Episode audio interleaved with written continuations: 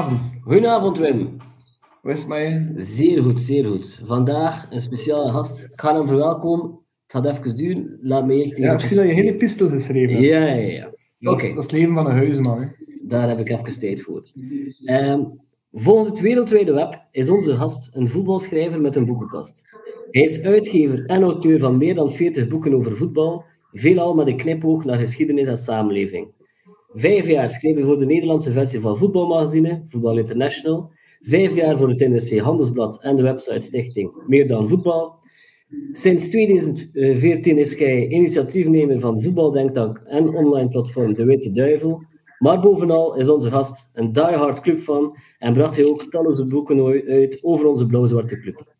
Onder andere 11 Club Brugge in 2008, Mijn Sterke Lee, nummer 23 voor altijd in 2009. Ook bracht hij een biografie uit van zijn jeugdgeld Birger Jensen, Mijn Blauw-Zwart Hart. En hij tekende het levensverhaal van Vital Borkelmans op in Eeuwige Optimist. Later publiceerde hij Bluvenholm in 2021 in de Lano. En terug in 2016 publiceerde hij 50 portretten uit van zijn, van zijn eigen favoriete clubhelden. En nu onlangs, begin december, bracht hij een nieuw boek uit waar hij die 50 pro- portretten uitbreidde tot 80, van Bonen tot Simon Mignolet. Welkom iedereen op deze koude maar gezellige winteravond, gebalsemd door een nieuwe overwinning van Club Brugge, waar we gelukkig stilaan terug naar boven mogen kijken. Welkom Raf Willems. Dank u wel. eh, Het eindigt eigenlijk al voor mij. Wat kan ik daaraan toevoegen? Ja, mij. Het is eh, een hoofdbladzijde. Klopt het een beetje Raf? In grote lijnen wel, ja. Oké. Ja, eigenlijk voor 90%, 99% wel. Oh, dat is Ja, goed, hè? dat is de ruim erdoor. Joppe, we gaan ons best vandaag doen om een beetje in Nederlands te praten. Ja, we gaan dat zeker. Hè. normaal... eh, Of campus, hè. Of campus, inderdaad. Voilà. De- De man is van eh, het Hoge Antwerpen. Ehm, Nee, nee, nee. Verder, veel dieper. Niet van Antwerpen. nee, maar eh, de provincie. Het hoge, ah, oké. Ja. Ja, maar dan doe je zoals alle Antwerp supporters die vinden dat alles buiten de stad parking is. Hè. Dus wij beschouwen de Kempen als een onafhankelijke entiteit. Los van de stad Antwerpen staande. Sorry Raf, we doen niet aan politiek in deze podcast. dus- nee, wa- wat zijn je gevoelens bij Club Brugge vandaag? Eh, Joppe zei het al, we hebben een paar matchen terug gewonnen. Eh, Bij onze vorige podcast zaten we nog in een, in een, een diepe crisis, of toch in zak en as als supporter. Ja, ik heb een beetje afwijking dat ik als historicus naar dingen kijk, hè, als voetbalhistoricus. Eh, daarnaast ben ik al heel lang een Ronnie Deila fan. Eh, omdat ik zijn parcours een beetje gevolgd heb. Hij werd eh, in de beginfase van zijn carrière de, de Noorse Jurgen Klopp genoemd. Hij heeft die stijl ook wel. En daarom past hij volgens mij perfect in het historisch profiel van Club Brugge. Dat aanvallend enthousiast eh, voetbal voorschrijft, collectief, met de nodige individuele klasse. eh, risicovol is, risico's durft nemen, dus op de bek durft gaan. Dat, dat hangt er ook een beetje bij bij ons, vind ik. Maar wel altijd gericht op meer goals maken dan de tegenstander. En Deila heeft iets wat mm, niet alle clubcoaches hebben gehad, maar wat er ook bij hoort, ik, ik vind hem een beetje vergelijkbaar met Henk Houwaard, die ehm, een soort vrijheid, eh, blijheid uitstraalt. Daar ook wel dat men hem met Klop vergelijkt. Hè. Mm. Eh, Madeira kan een publiek ook wel enthousiasmeren.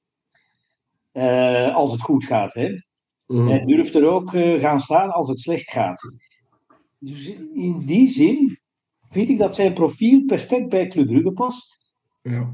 Alleen moeten wij beseffen dat we in een nieuwe fase zitten. En eh, dat het opbouwen van een, van een stabiel elftal, waar we nog lang niet aan toe zijn, dat dat ja, één, misschien wel twee, soms drie seizoenen kan vragen. Zelfs de grootste coaches, zowel bij ons als internationaal, hebben er soms twee, tweeënhalf jaar tijd voor nodig. Dus als ik Kijk, als Club Brugge gekozen heeft voor Dijla, want men geeft veel geld om hem weg te plukken bij Standaard, dan heeft men waarschijnlijk toch voor zijn voetbalvisie gekozen. Mm. En dan moet men daar blijven achter staan als het niet loopt. Zeker als je weet dat, ehm, ja, dat je een team in opbouw bent. Hè? Want we zijn toch wel wat uh, schoonvolle kwijtgespeeld de voorbije jaren. Ja, absoluut. Wat dat er natuurlijk wel is, is dat Ronnie Deila uh, ja, bij de beste club van België op dit moment aan de slag gaat, waarmee dat ik wil zeggen, qua haat, qua loon dat ze kunnen uitgeven, qua uitgebalanceerde kern. Dus die verwachtingen zijn nu eenmaal ja, een beetje meer te vergelijken met die van Brussel in de jaren 90. En daar hadden ze dan natuurlijk ook wel geen tijd voor één of twee seizoenen te rebuilden. Dan werd je seizoen 1, als het niet werkte, werd je ook eruit gebonjourd. En dat is natuurlijk de nieuwe realiteit, wat dat Club op de dag van vandaag is. Dus uh, maar dan pleit ik toch voor de terugkeer naar de, de, de oude waarden van onze club, hè, waar dat niet gebeurde in de jaren 80, 90, waar een coach toch even de tijd kreeg om zichzelf te worden en om die ploeg naar zijn hand te zetten.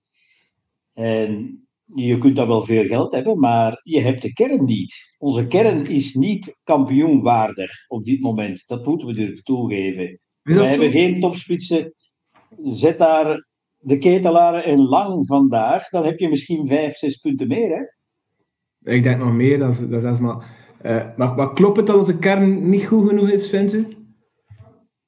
Nee, ik vind dat wij typisch de kern hebben van een ploeg in heropbouw. Want laten we wel wezen, vorig jaar.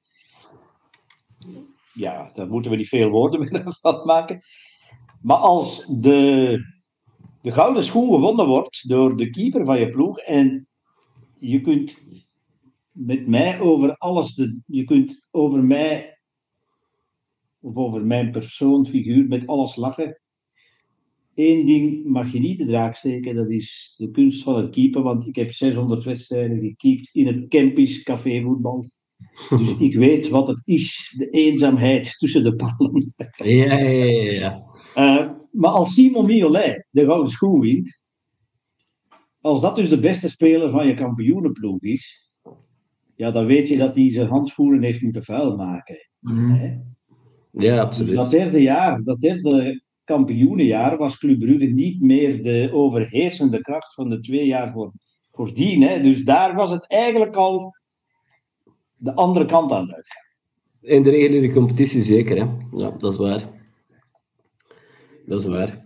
Oké. Okay, dus ik, ik, rond af, pleidooi voor Deila. Uh, ja geloof in zijn voetbalvisie, die past volgens mij volledig bij Club Brugge. Maar als we dan toch in de moderne tijd denken, je moet versterken tijdens de wintermercato. Um, zowel ja, in de centrale als hij. Ik wil wel pleiten voor Igor Thiago. Want wat dat hij gisteren gebracht heeft, dat was voor mij alles wat de Belgische topspits in de Jupiler Pro League moet hebben. Hij is, hij is, denk ik, in drie maanden tijd echt leren zijn lichaam gebruiken. Hij duikt goed op. Uh, hij was meevoetballend ook uh, belangrijk gisteren. Die technische, hij had zelfs technische hoogstandjes. Um, Astrid Zeymana noemde hem ook gisteren een, uh, een Braziliaanse nummer 9, als het ware. Dus ik vond dan... Ik, en ik merkte gisteren in het stadion, iedereen was toch wel al mee met Igor Thiago. Ik zou hem niet willen wisselen voor Casper Dolberg. Ja, hij is aan het groeien, hè. Hij heeft eh, een aanpassing nodig gehad. Hij heeft nu een paar matchen kunnen scoren. En een spits dat scoort. En, en allee, die krijgt geen kritiek. Die krijgt meer, uh, allee, heeft minder supporters op zijn dek. En als hij dan in die rol kan, uh, kan groeien. Uh, en dat is een beetje aan het gebeuren met Thiago. Uh, vandaag heb ik de vraag, leuk op stel nog een keer. Dat Thiago zo kan blijven verder evolueren en die doelpunt maken en, en, en wel die topspits wordt. En, uh, en Mechelen en nu gewisseld van positie en plots eh, lijkt dat zo de puzzel te doen kloppen uh, achterin, ook met terugkeer van uh, die meer keuze heeft op links. Uh, is onze ploeg, allee, onze kern, ik denk dat hij wel sterk genoeg is om kampioen te spelen, ga het zo. We hebben natuurlijk een achterstand. Dat is ambetant. We hebben een achterstand op Union, een achterstand op Anderlecht en dan nog een, kleine achterstand op een andere, andere ploeg. Dat is een beetje veel om allemaal zeer snel in te gaan, want dan moet we wel vertrouwen aan die ploegen. Uh, ook heel veel punten laten liggen tegen elkaar. Dus ik, ik, dat is het grootste probleem. Ik denk niet meer onze kern vandaag, maar, maar, maar het feit dat we een achterstand hebben. Uh, het is niet met, met zes, zeker, hè? Met, met zes in de playoffs. Ja. Ah, als, je, als je kunt beginnen met pakweg uh, gehalveerd vijf punten achterstand, kun je nog altijd kampioen spelen. Ja, absoluut. Ja, dat is waar, dat is waar. En dan nu een Schroederiaanse reeks kunnen neerzetten, waar we hopelijk aan begonnen zijn. Hè. Uh, even doorkanaal tot de winterstop en dan achter, uh, goede winterperiode hebben. Misschien inderdaad één of twee goede versterkingen op de juiste positie uh, realiseren. Dat zou dan misschien wel nog een keer kunnen, maar ik probeer vandaag vooral realistisch te zijn. Uh, vooral ja, stap voor stap, match voor match, te proberen opnieuw te winnen en. Voor mij is de identiteit van een ploeg belangrijker. Uh, als Club Brugge erin slaagt om... Ik, ik moet zeggen dat ik eigenlijk voor het eerst in jaren ik ben een radioluisteraar voornamelijk. Zo, dat heeft met mijn leeftijd te maken. Met plezier terug naar de radio begon te luisteren in het begin van het seizoen. Ik vond tot en met een match op Agent, die ongelukkig werd verloren, mm vond ik het aangenaam om, om, om terug te luisteren. Zo. Club Brugge, ah, doelpunt, nog een doelpunt, weer een aanvalsgolf. De voorbijgaan in Europa, Osasuna was toch niet vanzelfsprekend en zo verder dan dacht ik, ja, dat, dat doet mij denken aan vroeger zo. Mm. Ja, maar de matchen van Osasuna, u haalt ze zelf aan, die hadden voor mij wel echt die, die sfeer van, de Europese, van een Europese avond. Dat ze ploegen en ploeteren is, maar dan hey, toch uh, die doel, dat doelpunt van Maxime de Kuiper, fantastische goal, maar ook de inspanning, gaan we maar zeggen. Ik kan er wel een beetje zo uh, good old vibes bij.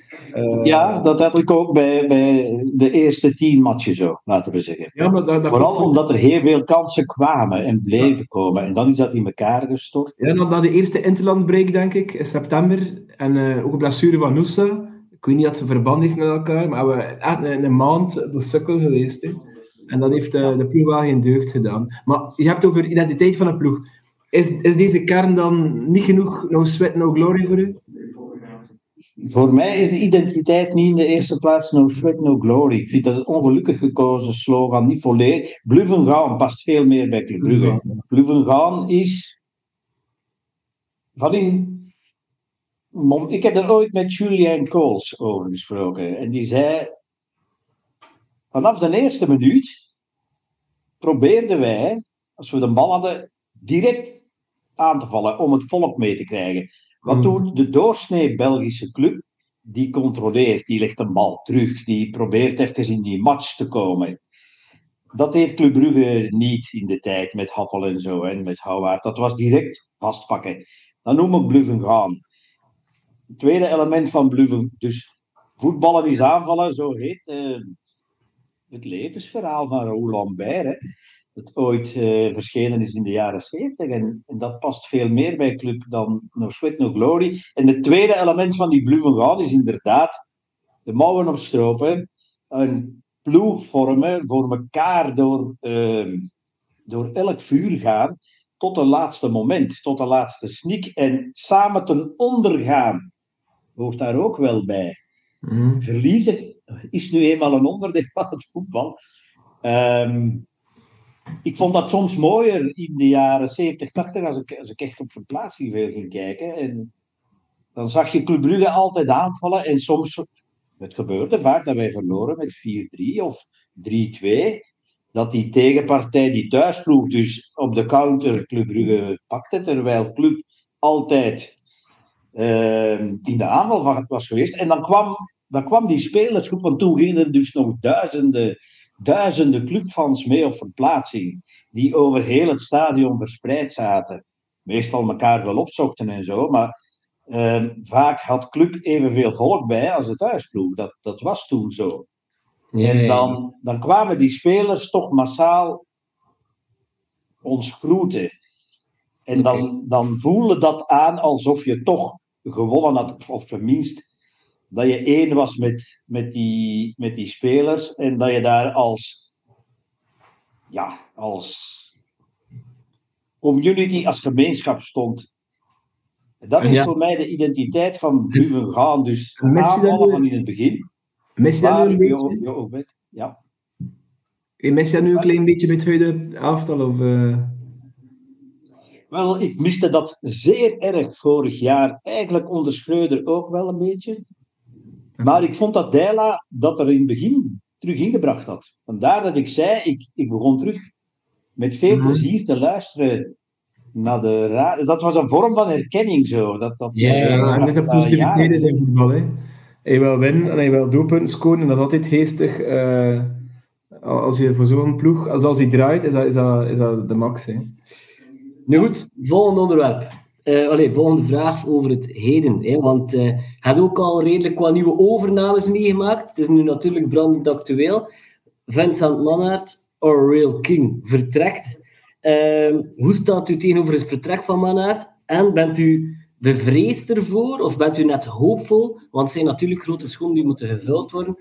Was de tijd rijp?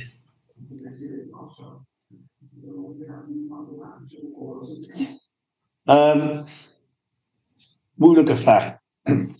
Ik herinner me nog altijd heel goed een interview van een jaar of tien geleden.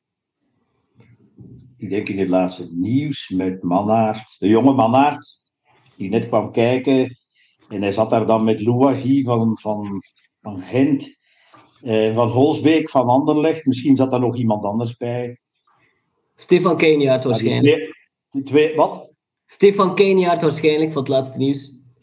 Ja, ja, zonder twijfel. Maar eh, nog een clubleider. Ja, hij zat daar tussen een paar krokodillen die al jaren eh, aan het hoofd van hun club stonden. En dan Van Holsbeek zei ze. Mannaert ging een beetje tegen, tegen de algemene gedachtegang van, van de twee andere in, hè, als jonge wolf zo. En dan zei Van Holsbeek zeer smalend: Kom dus terug als je, als je een trofee gewonnen hebt. Kom, kom dan eens terug. Misschien was het in de tijd dat Gent kampioen was, dat weet ik niet. En Club Brugge nog niks had. Ja, eh, Van Holsbeek. waar zit hij nu? Zit hij nog altijd in de gevangenis? Of, of is hij... oh, ik weet niet waar hij uithangt, maar we horen er niet veel meer van. Nee, nee, En nee. nee, me wel- heeft niks meer ge- gewonnen sindsdien. Ja, één keer de beker nog, maar, maar Gent heeft dat toch niet waargemaakt. Men dacht op dat elan door te gaan. Mhm. En Mannaert, enfin, Club Brugge onder Mannaert Verhagen. Ja, werd wat jij daar straks zei, de nummer 1 van België. Dat hebben we nooit meegemaakt in het verleden. De nummer 1 zijn van het land, eh, dat we zo bekeken worden. Dat Was is. dat, was dat ook niet in tijden van Happel zo? Wat? Waren we in tijden van Ernst Happel, we drie jaar op rij kampioen worden en twee Europese finales, waren we toen ook niet... Toen waren we de nummer 1 effectief hoor, maar ehm, ja, Anderlecht en Storm daar waren toen natuurlijk een club, clubs met veel grotere eh, uitstraling en palmaressen. Hè. Club Brugge kwam net kijken, hè, maar was toen effectief de beste club van het eh, land. Eh, ik zeg zelfs meer, de periode Happel, kunnen we straks over verder gaan. Er is nooit een betere ploeg geweest in het Belgisch voetbal, dat nu 50 jaar bestaat, het Belgisch profvoetbal dan het Club Brugge van Happel. Goed, dit terzijde. Maar Mannaert heeft eh, werkelijk ervoor gezorgd dat hij met zijn team een, een palmares heeft eh, bij elkaar gepresteerd, om u tegen te zeggen, met inderdaad ook vijf landstitels op zeven jaar tijd zeker. Ja. Niet te vergeten, zes keer de Champions League eh, groepsfase gehaald, wat, wat misschien nog een grotere prestatie is. Maar dan de kanttekening die erbij plaats. ehm, ik heb hem maar één keer in mijn leven ontmoet. Hè, en ik heb, dat was een interview voor eh, het boek Bluven Gaan, twee jaar geleden. Onder, het was samen met Club Brugge gemaakt, dat boek. Dus ik kreeg toegang tot iedereen, wat eh, toch eh, zeer interessant was. Dus het was bij de 130ste verjaardag. En dan, ehm, ja, dan. Hij liet op zich wachten, letterlijk en figuurlijk, want hij was ongeveer de laatste die ik te spreken kreeg. eh, wat waarschijnlijk doelbewust was van hem zo. Ehm, maar dan kwam daar iemand naar voren die eigenlijk, moet ik zeggen, een heel hoog IQ heeft in het genre werk dat hij doet. Een heel hoog intelligentieniveau heeft volgens mij. Hij is iemand die volledig past in het eh, tijdperk van ehm, het moderne voetbal, hè, zoals men dat noemt. Dus the sky is the limit, the winner takes it all. Ehm, heeft weinig op met nostalgie. Ik, was zijn, ik ben een beetje zijn tegenpool. Ik ben, ben ook iemand die op een sociale manier naar het voetbal kijkt. En hij op een zeer liberale. Maar goed, die mensen heb je ook nodig. Want die heb je nodig om de prestaties eh, te creëren. En daar was hij volgens mij eh, top in.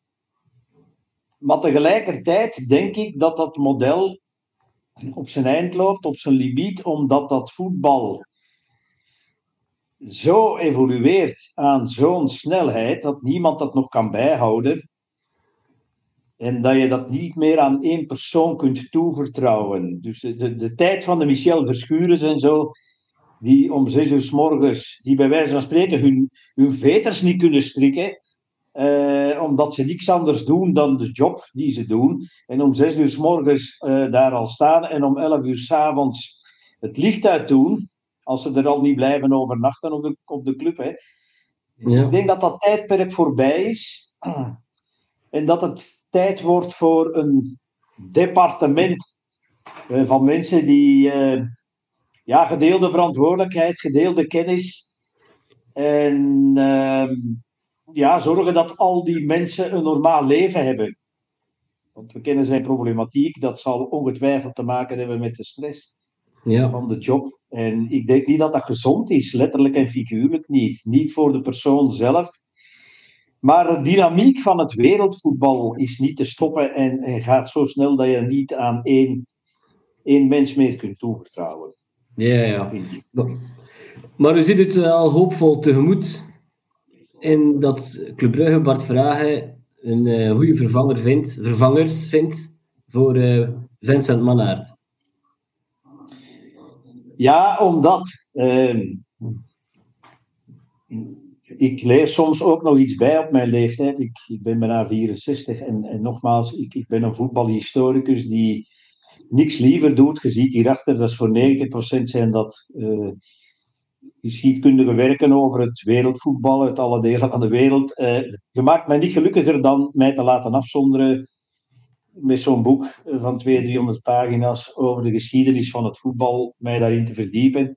En toch in die Bluven Gaan uitgave vond ik eh, de boek. Ik heb ze allemaal geïnterviewd, onze grote namen, hè, wat, wat heel leuk was.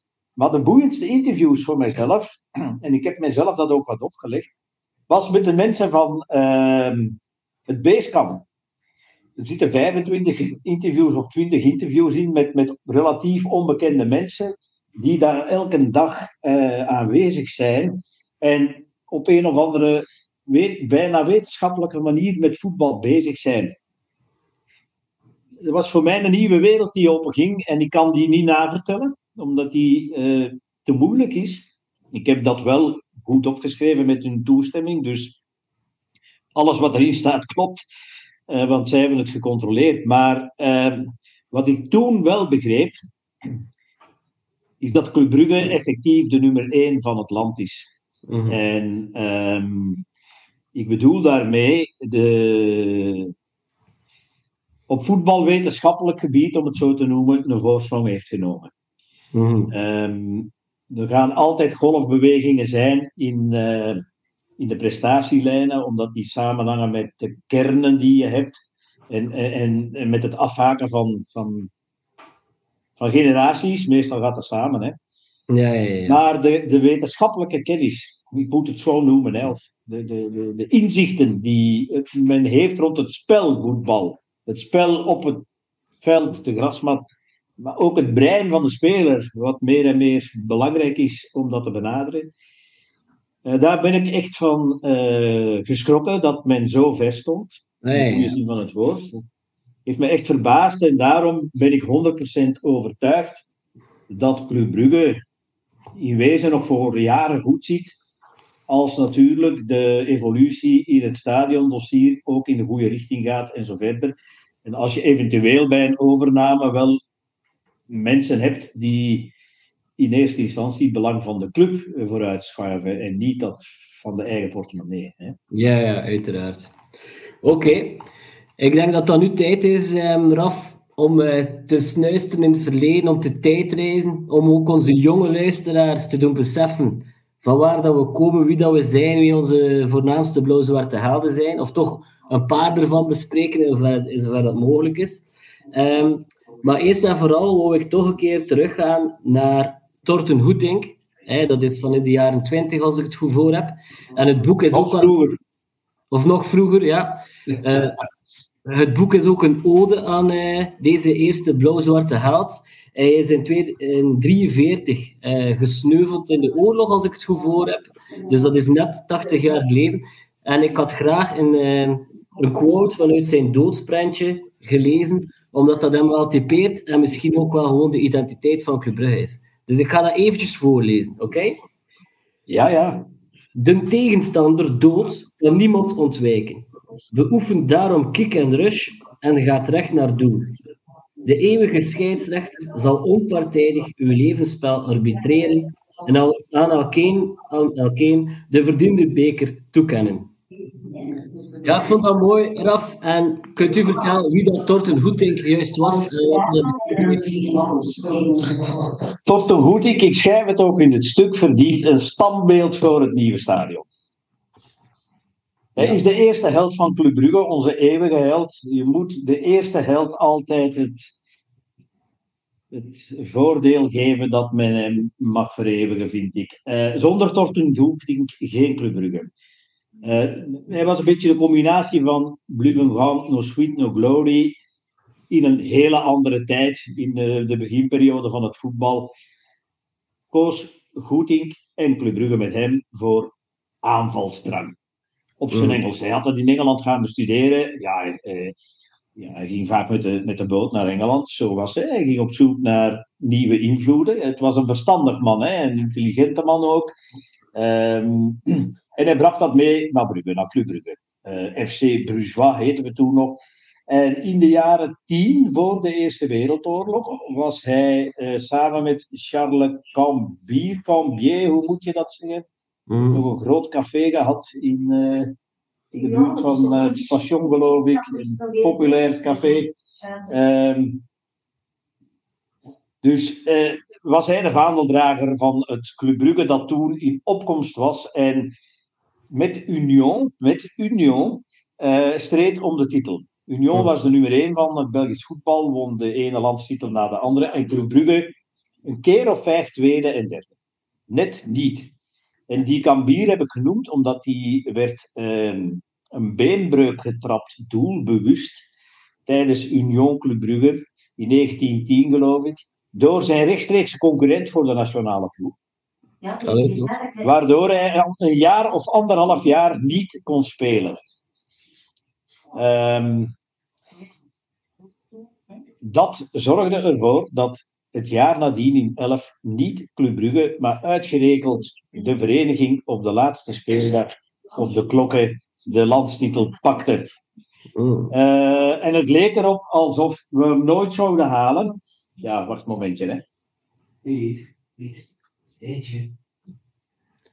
Dus op een Serpel als ex-kampioen en Tup als club. Dat was het, inderdaad.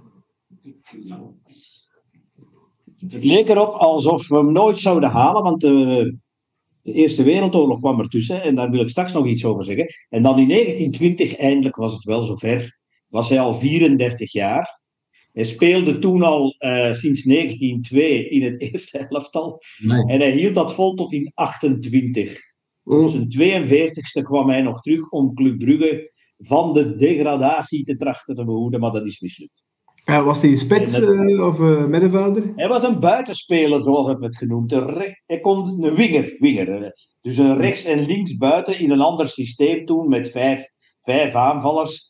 Um, maar hij, hij, werd genoemd de gazelle, de, de blauw-zwarte gazelle. Dus hij was bijzonder snel. Um, nogmaals, hij was een man met brains. Werd zelfs burgemeester, geloof ik, in Heist aan Zee. Uh, op latere leeftijd. Um, of alleszins zat hij daar in de politiek met een hoge functie. Schepen kan het ook geweest zijn. Maar hij keek verder dan de bal en in de Eerste Wereldoorlog reisde hij achter het ijzerfront.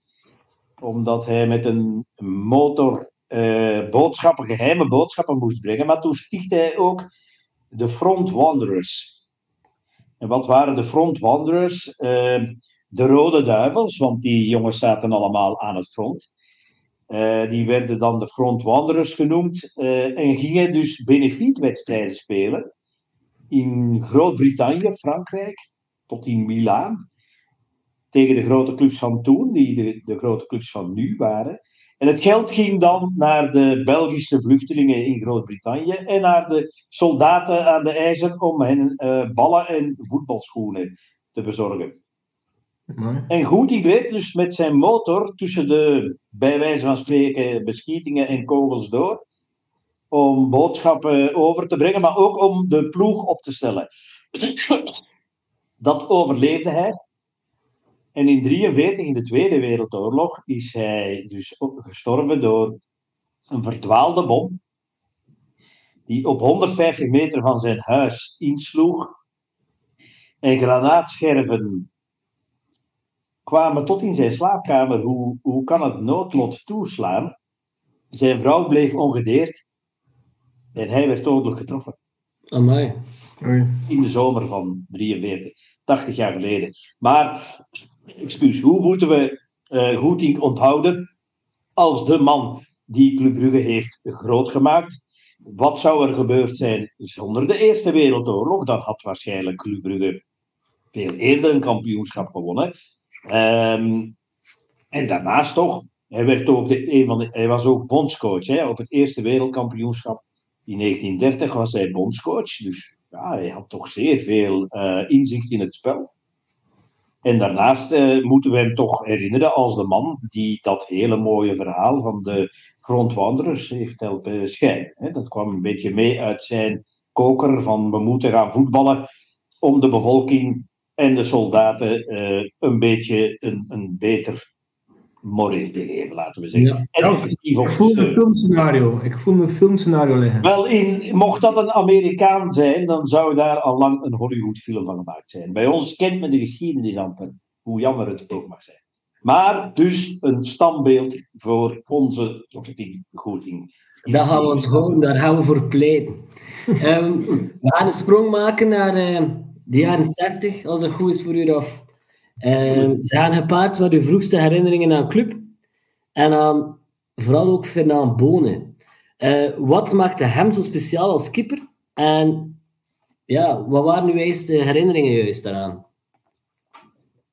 Wel, ik zou elk jaar op Bedevaart, is er een Bedevaartsplaats in de buurt van Brugge? Of waar jullie zitten, anders moet ik naar Scherpenheuvel. Er is hier wel iets in ons takker. eh, ja. Ja, ik moet op mijn blote knieën Ferdinand, Fernand Bonen bedanken. Waarom? In 68, eh, juni 68, eh, keek ik naar eh Sportweekend voor de allereerste keer in mijn leven, was ik acht jaar. En ik zag daar Club Brugge Beerschot, de finale van de Beker van België. En ja, wat doet een. Ik ben dus een successupporter, dat geef ik toe. Wat doet een kind van acht jaar die kiest voor de winnaar?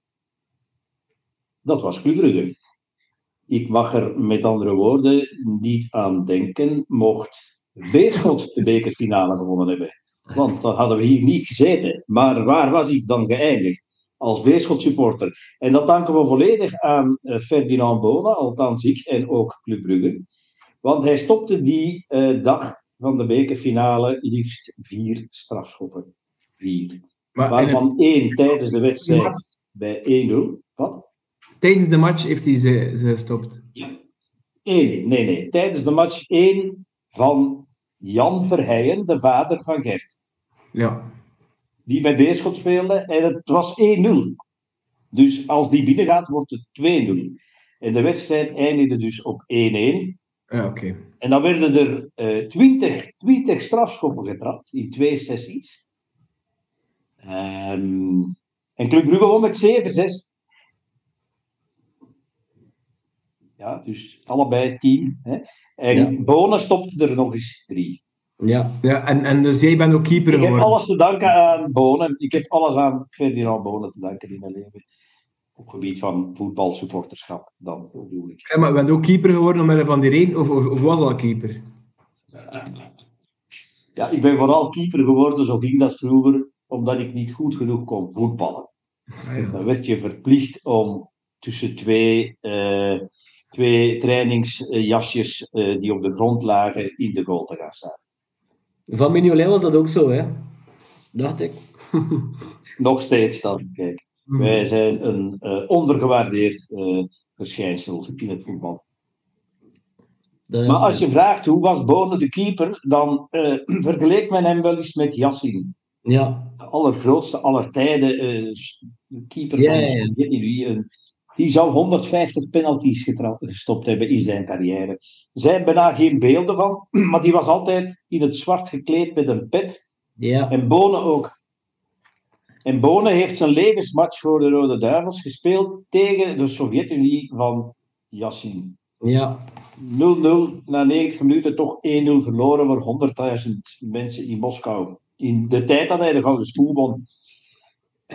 Maar hij was iemand die dus onvervaard eh, in dat strafschopgebied kon optreden, de baas zijn. Hè? Dus ehm, in die tijd werden keepers helemaal niet beschermd. Ehm Bonen deelde klappen uit, ging op de tegenstrevers eh, hun voeten staan eh, werkte met zijn ellebogen, kwam de volle vuist vooruit.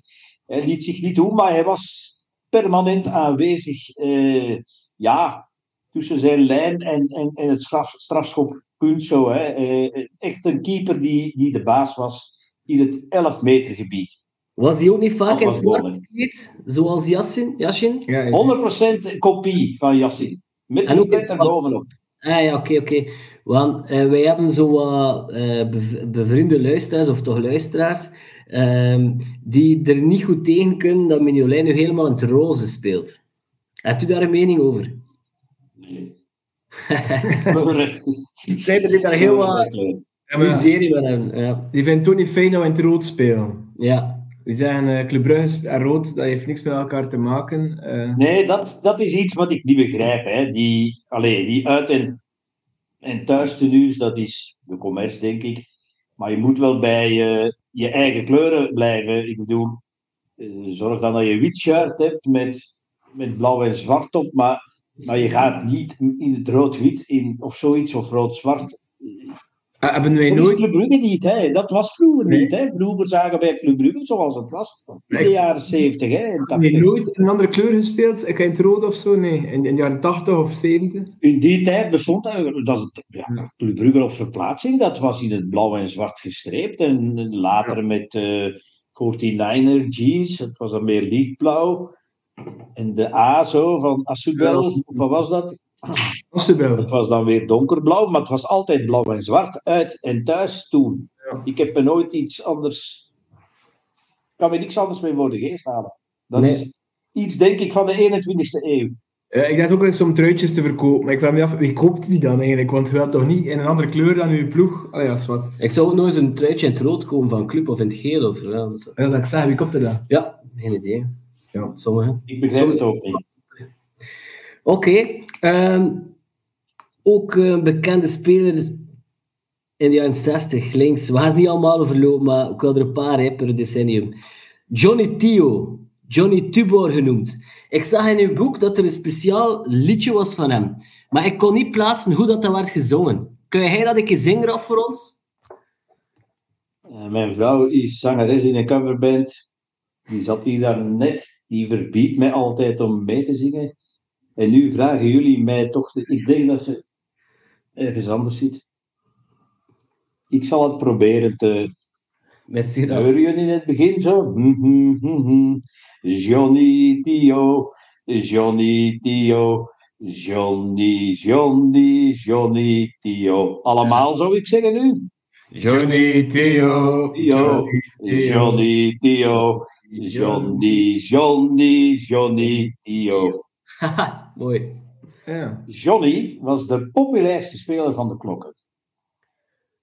Ik heb dat later ook pas ontdekt, twee jaar geleden, eh, toen ik een man in Roeselare ging interviewen, waar hij vandaan kwam, die een Johnny Tio museum in zijn tuin heeft. Moet je absoluut eens bezoeken of uitnodigen op de podcast. Dat was de beste vriend van Johnny. En hoe heet die En man? die zei, ja, Johnny was de George Best van Club Brugge. Kun je je daar iets bij voorstellen? Ja, Ja, absoluut. Rock and roll. Dus hij zei, ik zal nog een hint geven. Het foto of het portret van Johnny stond op tientallen slaapkamers van jonge vrouwen. Ah ja? Mooi. Ja, dat was, dat was sorry. En de, ja, de rock and roll tijd. Hè? Best overdracht. Ongelooflijk goede voetballer, dribbelaar. Niet te peilen. Geen. Uh, op, kun je ook niet echt een opdracht aan geven. Johnny deed wat hij vond dat hij moest doen. Hij was toch acht jaar lang, denk ik, of tien jaar lang bijna. Het, ja, het, hij was echt het boegbeeld van de klokken. Hij heeft de klokken nog meer, denk ik, dan Raoul Lambert. Eh, maar met Raoul en met Carteus en met Van den Dalen. Dat waren de vier, de vier Vlaamse, Oost- en West-Vlaamse jongens die Club Brugge hebben groot gemaakt in, op de klokken. Dus die, die er een topper van maakten. Tweede plaatsen, vijf keer aan elkaar. Eerste plaats één keer in 73, bekerwinst. Maar vooral op die klokken. Op die klokken werd vrijwel altijd gewonnen. Op verplaatsing verloor die ploeg uh, heel veel van zijn kwaliteiten. Maar op die klokken waren dus 15.000 mensen ja, stonden te hijgen als het ware. En stonden te zingen van begin tot eind. De eerste spionkop. Uh, dat was zo intimiderend. En daardoor kreeg die ploeg uh, ja, iets meer dan wat ze misschien wel waard was. En ze wonnen vrijwel al die wedstrijden daar. Dikwijls met drie, vier, vijf goals. Vandaar de kreet 1, 2, 3, 4, vuwe. Dat is daar ontstaan op de klokken. Mm. Met dank aan Johnny. Aan Johnny zijn fratsen, aan Johnny zijn flitsen, zijn snelheid, zijn dribbelkunst. En uh, ja, zijn zien voor um, show. Johnny was de showman van de Beetje nu al lang avant la lettre. Ja, helemaal. Alleen, um, ja, nee, misschien niet helemaal. Noah Lang, we lezen nu over zijn depressie en zo. Hè? Dat, dat geef je hem niet mee. Hè? Mm. Dat, zat ook, dat was ook de andere kant van Johnny, van George Best ook. Dat zien we allemaal niet. Johnny was iemand met een uh, turbulent gevoelsleven. Zijn, zijn moeder was vroeg overleden, voelde zich achteruitgesteld. Kwam ook uit de kant van Roeselare, um, die zo, ja, ik ben de naam vergeten, maar het is daar een, een buurt in Roeselare die een beetje achtergesteld is in vergelijking met de rest. Ja. Jempi Montserrat was ook vandaar. Nee, een wielrenner, het waren vrienden. En, ja, het leven aan 100 per uur had natuurlijk zijn keerzijde. Hè? Dus Johnny liep zichzelf een beetje voorbij. Um, en worstelde toch wel met, met een soort uh, minderwaardigheidscomplex. En met een soort van. wat je misschien wel manische depressiviteit kunt, kunt noemen. Johnny was de man van de hoge pieken en de diepe dalen in het leven, ook wel op het veld, kon ook weken afwezig blijven. En het is dan uh, zeer, ja, in de geschiedenis mooi dat uitgerekend hij de aanvoerder was van de ploeg die in 73 na 53 jaar de eerste landstitel won. Terwijl hij een individualist sang was. en toch was hij daar de aanvoerder. En de ironie van het lot wil dan ook weer zeggen of betekent dan ook weer dat het moment van de, van de waarheid, we spelen dus kampioen op Anderlecht, en toen was hij geblesseerd.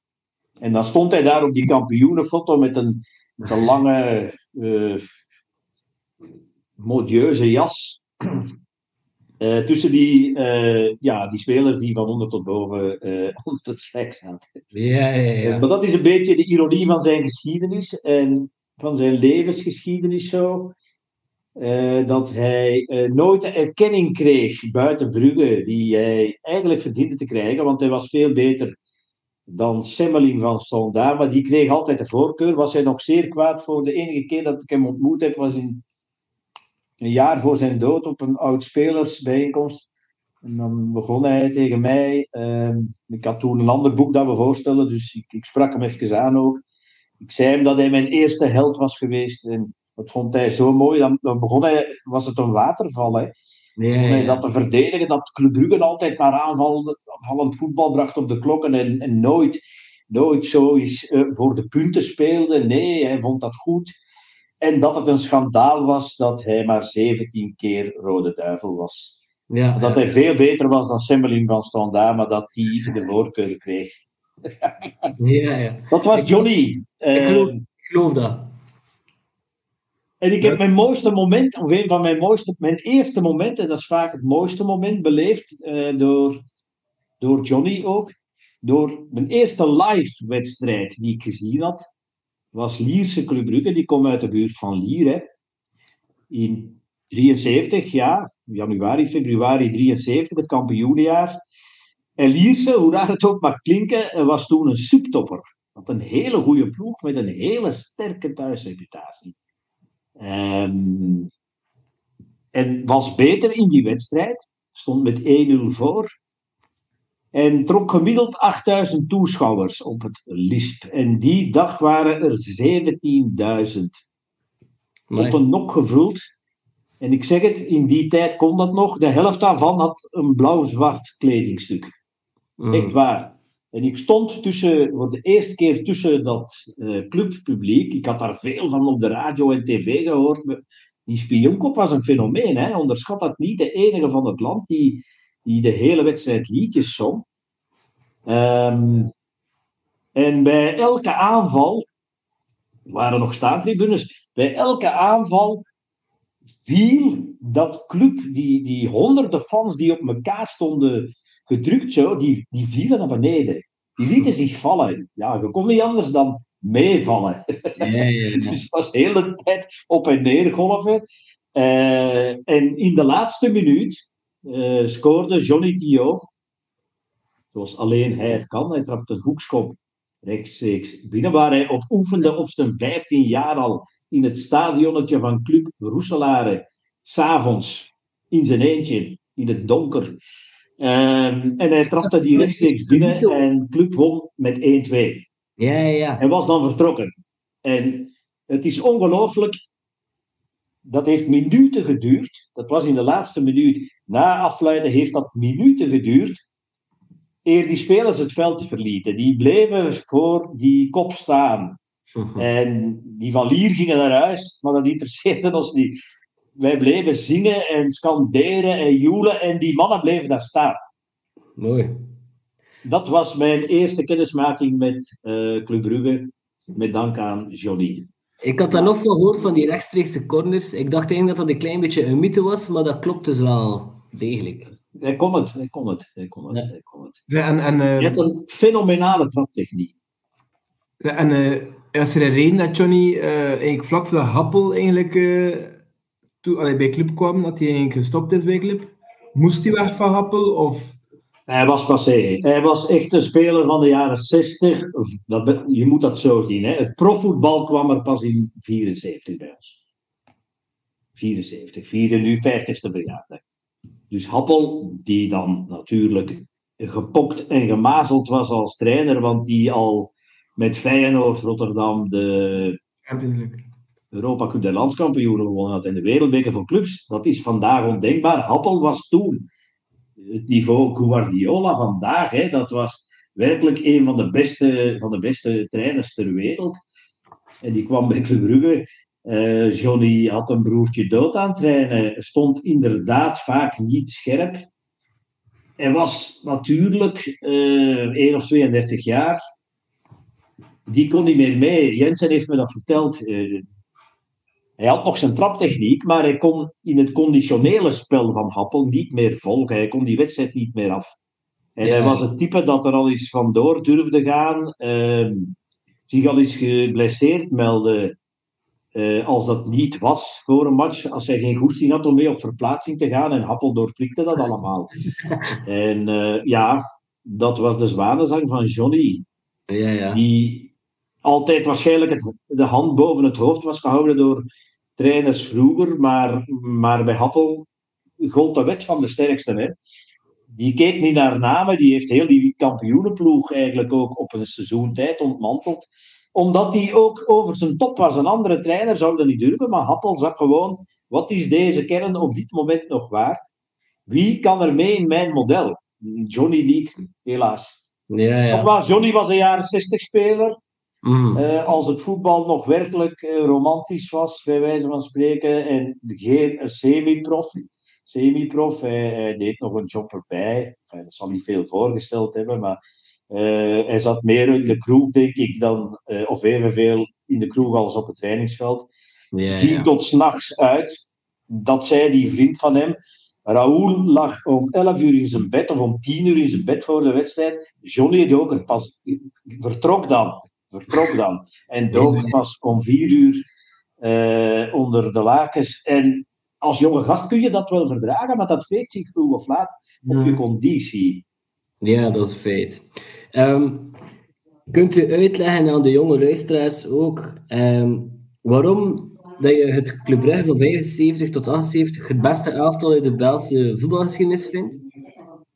Vergeleken met eh, ja, de, de ploeg die de Mauve ook wel had dan natuurlijk in een bepaalde periode. Waarom die van Club Brugge de beste is? Nou, ik ga mijn eigen mening geven en dan een visie van, allez, één zinnetje Ja. van iemand die eh, aan de andere kant zat toen. En later, eh, ik heb dat ook maar twee jaar geleden in het boek Bluffen gaan eh, genoteerd, toen ik hem interviewde en later naar, naar Club is gekomen. Ehm, kijk, we hebben geen coach. Ge, het, is het is volledig. Als je aan mij vraagt wie, wie is een van de belangrijkste figuren in de geschiedenis van Club Brugge geweest, dan zeg ik Henk Houwaard. Op drie, drie cruciale ogenblikken. Dus ik heb net een team van de klokken geschetst en de mentaliteit die daarachter hing. Houwaard ehm, kwam hier als ehm, ja, Nederlander met zijn zelfvertrouwen aan, met zijn Haagse, Hollandse bluf. En de overtreffende trap van Hollandse bluf schijnt Haagse bluf te zijn, Den Haag, hè, waar Houwaard vandaan kwam. En hij heeft ervoor gezorgd dat Club Brugge zijn angst, zijn smetvrees eigenlijk buiten de klokken verloor. En dat men durfde op resultaat gaan spelen. Dat men zijn voet naast Anderlecht en Stond daar durfde zetten en zeggen, kijk, wij, wij, zijn, wij zijn nu echt de beste. Dus in die ploeg, die al jarenlang net tekort kwam voor de titel, heeft hij voor die metamorfose gezorgd als speler. Dat is het eerste. In 1974, toen Club Brugge tiende of zo stond, eh, na het kampioenjaar, en werkelijk eh, er nog ergere voorspellingen werden gemaakt dan dat, wist hij dat Happel, die hem had opgeleid bij Den Haag, waar hij vier jaar onder gespeeld had als jonge gast of zo, bij ADO Den Haag, dat hij ontslagen was bij Sevilla. Nogmaals, het is 50 jaar geleden, in januari 24. De tijd was helemaal anders. Hè? Het is niet, alleen eer dat dat doorcijpelde uit Spanje naar België, dat Happel ontslagen was, dat duurde drie dagen. Hè? Ehm, en hij is bij het bestuur gaan pleiten om Happel aan te nemen, aan te werven. De bestuursleden wisten niet wie Happel was. Hm? Dus Howard heeft dat eh, echt doorgedrukt en daar is het allemaal begonnen voor Club. En dan later als coach heeft hij ook zijn stempel op die identiteit neergezet. Nog meer vind ik dan Happel. Dat Club altijd moet aanvallen en een vrolijke bende moet zijn met zijn supporters. ja, ja. ja. Een vrolijke bende, dat kon je bij... Enfin, vrolijk man was Happel niet. Maar eh, enfin, dat is de invloed van Howard. Waarom nu Happel? Ik zeg net dat hij een wereldcoach was. Eh, vergelijk het met Guardiola of Klopp die in België komt coachen. In die periode, ehm, dus we spreken midden van de jaren 70, had je eh, een heel ander tijdperk. Je, je mocht als land maximaal drie buitenlandse spelers hebben. Dus de grenzen waren niet open. Integendeel, in Spanje en Italië waren ze grote periodes dicht. Of je mocht er hooguit zelfs maar twee buitenlanders hebben. Eh, in Engeland had men de gewoonte niet om spelers buiten het Britse oude wereldrijk eh, binnen te halen. Dat bestond niet. Dus wat had je daar? Schotten, Noord-Ieren, Welshmen, een verdwaalde Australiër. Maar geen andere spelers. En in Duitsland beperkte men dat eigenlijk ook tot Scandinavische voetballers of ehm, ex, eh, ja, oh, wacht, eh, spelers die uit het oude Oostblok, dus het Sovjetblok, Oost-Europa kwamen na hun 28ste. Dan mochten die pas vertrekken. Ja, ja, Zo kwamen ja. daar dus eh, Polen, Joegoslaven enzovoort. Maar je had een heel andere sfeer. Met andere woorden, de topvoetballers, de Belgische internationalen, die bleven in België. Ja, Dat een hele sterke Belgische competitie in die 50 jaar dat de profcompetitie bij ons bestaat, was het, waren de eerste 15 jaar de beste. En zeker de eerste 5, 6 jaar. Dus Mhm. dat en het gegeven dat er geen internationale markt was voor topspelers in de grote competities, betekende dat Nederlanders bijvoorbeeld en Denen ook naar België kwamen, omdat ze onder tafel werden betaald. ja. Dus toen niet, maar nu wel. Maar je kreeg dus wereldtoppers. Anderlecht had spelers eh, met Rensenbrink en Haan die de wereldbekerfinale met Nederland hadden gespeeld in die tijd. Twee keer. Je kreeg hele grote namen hier in België. Lubanski van Lokeren, eh Prebe Lasse. eh, en bij Club Brugge had je dan Jensen, Lefebvre en later ook Wiegen. Dus je had een heel hoog niveau in onze competitie. En Happel veranderde het aanzien van club. Dus vroeger op de klokken was het stormen, stormen, stormen. Daarbuiten met dichtgeknepen billen. ja. Appel zei: Nee, wij spelen overal ons eigen spel. En dat is modern voetbal, gebaseerd op de Hollandse school, die toen in trek was. Maar hij een stuk meer de grondlegger was geweest, ook al was hij een Oostenrijker. Maar die Hollandse school, historisch gezien, had hij veel eh, invloed gekend van de Oostenrijkers uit de jaren 50. Toen Happel als speler een van de beste spelers, van de beste libero was van Europa, misschien wel van de wereld. En de eerste die voor zijn verdediging begon te spelen, bij Rapid Wenen. Dat was een nieuwigheid in het spel van de Oostenrijkers. En dat bracht hij mee naar zijn ploegen ook. Ja, ja, ja. Dus hij liet Edi Krieger, ook een Oostenrijker, voor zijn verdediging spelen. Hij liet de backs, eh Bastijns en Volders, oprukken. Jensen moest aansluiten als keeper, werd een soort meevoetballende keeper. Alleen Lekers kreeg een louter verdedigende opdracht, de spitslam leggen van de tegenstander, wat hij heel goed kon. En het middenveld was gebaseerd op positiewissels. Dan had je twee buitenspelers, Lefebvre van Gool en Lambert. En van Lambert maakte hij een van de beste spitsen van Europa. Hij zei daarover, hij behoort tot de top 4, 5, waar ik als coach mee gewerkt heb. Nu moet je weten dat Happel met Feyenoord de Europa Cup der landskampioenen had gewonnen. En dat later ook nog eens met Hamburg deed. Dus die man had alles gezien in de wereld en noemde Lambert toch een van de top 4, 5 eh, spelers die hij had ge- onder zijn hoede had. Ja, Dus het veranderen van het spel van Club Brugge door het zeer aanvallend eh, en zeer eh, risicovol neerzetten van zijn ploeg, met ongelooflijk veel zelfvertrouwen, dat was on-Belgisch. Mhm. Dat heeft drie jaar geduurd en geleid tot drie opeenvolgende landstitels in een tijd dat ook Anderlecht aan de Europese top stond. Dus Club Brugge en Anderlecht behoorden tussen 75 en 78 tot de Europese top 5. Want Anderlecht speelde drie keer na elkaar de finale van de beker der bekerwinnaars, een toernooi dat nu niet meer bestaat. Club twee keer, eh, één keer de Europa Cup der landskampioenen, nog altijd de enige ploeg in België die dat heeft gedaan. Hè. De Europa Cup der landskampioenen voor de jonge luisteraars was de voorloper van de Champions League. Zoals het woord het zegt, mochten alleen landskampioenen meedoen. Nu is dat niet meer het geval. En tussendoor werd daar eh, in het eh, ja, in 76 finale van de UEFA Cup, Europa League is dat. Maar toen was die UEFA Cup van een hoger niveau, want de nummer 2, 3 en 4 van elke topcompetitie speelden daar. Die zitten nu in de Champions League. Dus je speelde daar in die UEFA Cup alleen maar tegen topploegen. Club eh, speelde in 76 de halve finale. En verloor die in heen- en terugwedstrijden werd dat gespeeld met 4-3 van Liverpool. Mhm. Ik heb het net nog eens bekeken. We zijn daar bestolen. Laten we dat ook uitdragen als gedachte. Bij 2-2 stand kreeg Liverpool een strafschop. Terwijl Bastijns op highway de fout 20 centimeter buiten de penaltyzone maakte. Anders had Club Brugge de UEFA Cup gewonnen. In 77 uitgeschakeld in de kwartfinale tegen Borussia Mönchengladbach. En met die vier clubs heb ik de vier beste van die tijd genoemd. Liverpool, Mönchengladbach, Club Brugge, Anderlecht. Na zeer veel pech thuis met 0-1. Ginder 2-2, thuis 0-1.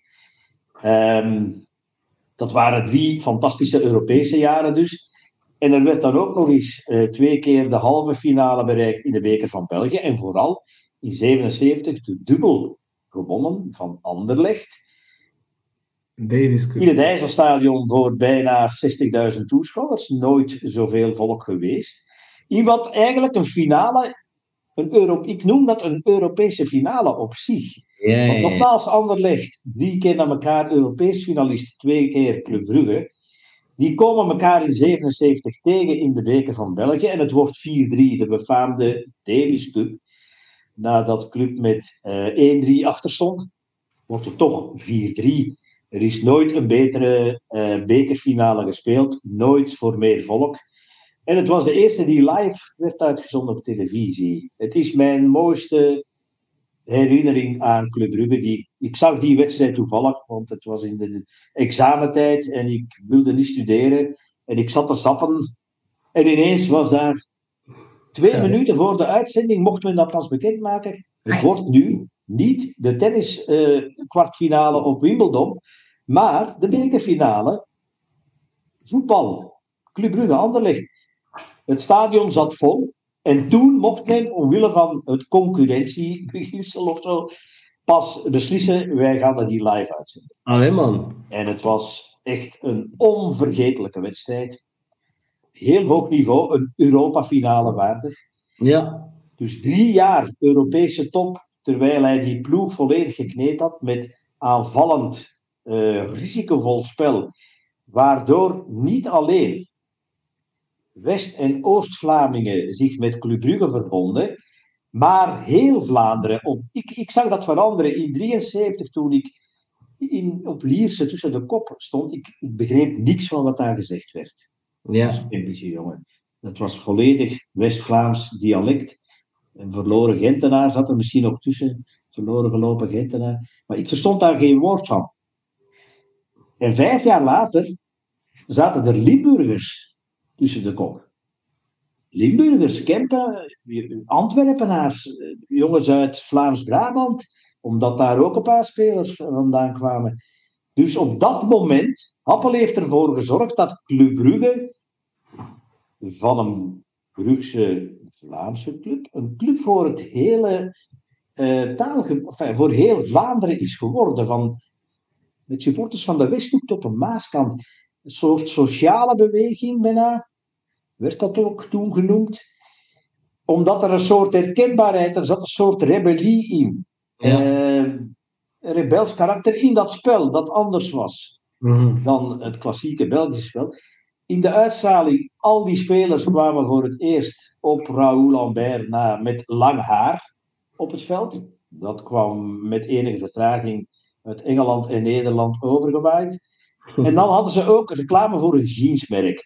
Dus de jeugd, die zich wat wilde rebels opstellen, die vond die vertaling terug bij Club Brugge dat de macht van toen ook eh, stokken in de wielen begon te steken. Lees Anderlecht en Standaard van de Nee. eerste plaatsen verdrong. Hè.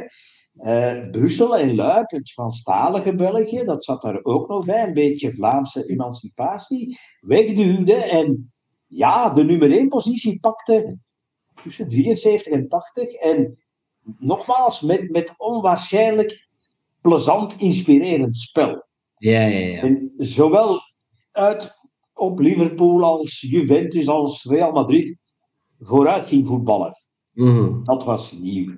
Mooi. En om het eh, af te ronden, ik heb Hugo Broos gesproken twee jaar geleden over zijn periode bij Club Brugge natuurlijk. Maar Hugo Broos was de, centrale verdediger van dat grote Anderlecht in die tijd. Hè, tegen de, de eerste Anderlecht eindigde drie keer tweede na Happel.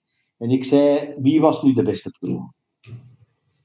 Geen, waren jullie dat of was ik, ik moet daar geen seconden over nadenken, zei Broos. Happel, de ploeg van Happel was van een ander niveau dan Anderlecht. Wij hadden betere individuele spelers, meer individuele klassen à la Robbie Rensenbrink, Arie. Maar de ploeg van Club Brugge, dat was één dynamisch geheel. Als die op toerental waren, kon je daar niks tegen doen. En die stonden een trede hoger dan wij. Hugo Broos heeft, uh, ja, is in terecht om daar een mening over te hebben. En ik, ik geloof die mening graag van Hugo. Dat zal wel kloppen dan. Dat wij de beste ploeg aller tijden gehad hebben. Je moet ze niet van mij geloven, maar als iemand van de tegenpartij het zegt. Ja. ja, Hugo is natuurlijk ondertussen van kamp gewisseld. Dat is waar, dat is waar, dat is waar. Dat is waar, dat is waar. Maar toch, hij was toen speler bij Onderleg. Hè? hij zou het wel toegeven ja. zijn. Ja. Wat? Hij zou het wel toegegeven hebben, moest het anders geweest zijn. Um, voordat... Ik denk dat het zijn karakter ook is. Hugo Broos is niet de persoon die iets niet zegt waar hij niet achter Voilà. Ik ook nog wel vragen, uh, Ravis. Ik dat misschien beter kan Als vandaag een speler van Brugge aan Anderlecht gaat, of omgekeerd, wat minder gebeurt, maar Hugo Broos is dan een voorbeeld dat omgekeerd was. Ja, hij altijd bij uh, de supporters ja, zo de gevoelens van, we worden hier verraden.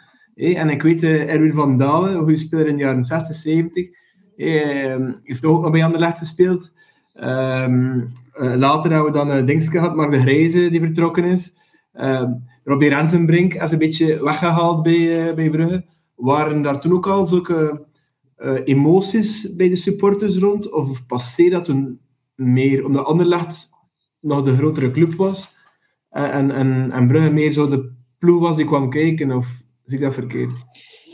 Ik denk dat dat bij Van den Dalen was het wel scherper dan bij Rensenbrink, omdat Rensenbrink maar twee jaar bij club gespeeld heeft. En toen leek het er ook niet op dat hij zo'n carrière zou uitbouwen. Um, Van den Dalen was natuurlijk uh, tien jaar bij club en, en heeft club samen met de drie andere musketiers, hè, Carteus, Dio, Lambert, van een, van een, ja, van een provinciale vereniging naar, een, naar de top drie gebracht. Hm? Dat was mede de rol van Van den Dalen, die ook heel goed uh, kon uitvoetballen vanuit die verdediging, die, die ja, een beetje middenvelder ook kon spelen en zo verder. En men had het niet verwacht, hè, want hij, hij was een van de beste spelers toen uh, bij club. Uh, maar hij kwam in aanvaring om dezelfde reden als Tio met Happel. Dat uh, ja, Happel eiste meer. Hij eiste conditionele scherpte van begin tot einde. En van den Dalen kwam ook uit de jaren 60 en kon dat minder opbrengen, blijkbaar. Ja.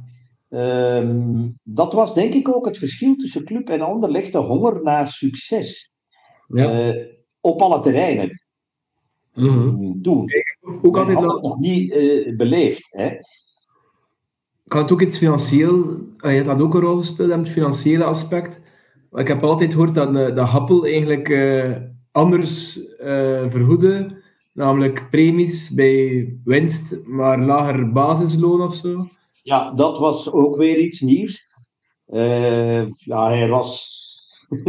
hij had een hekel aan luie verditter, zoals hij dat noemde. Hè.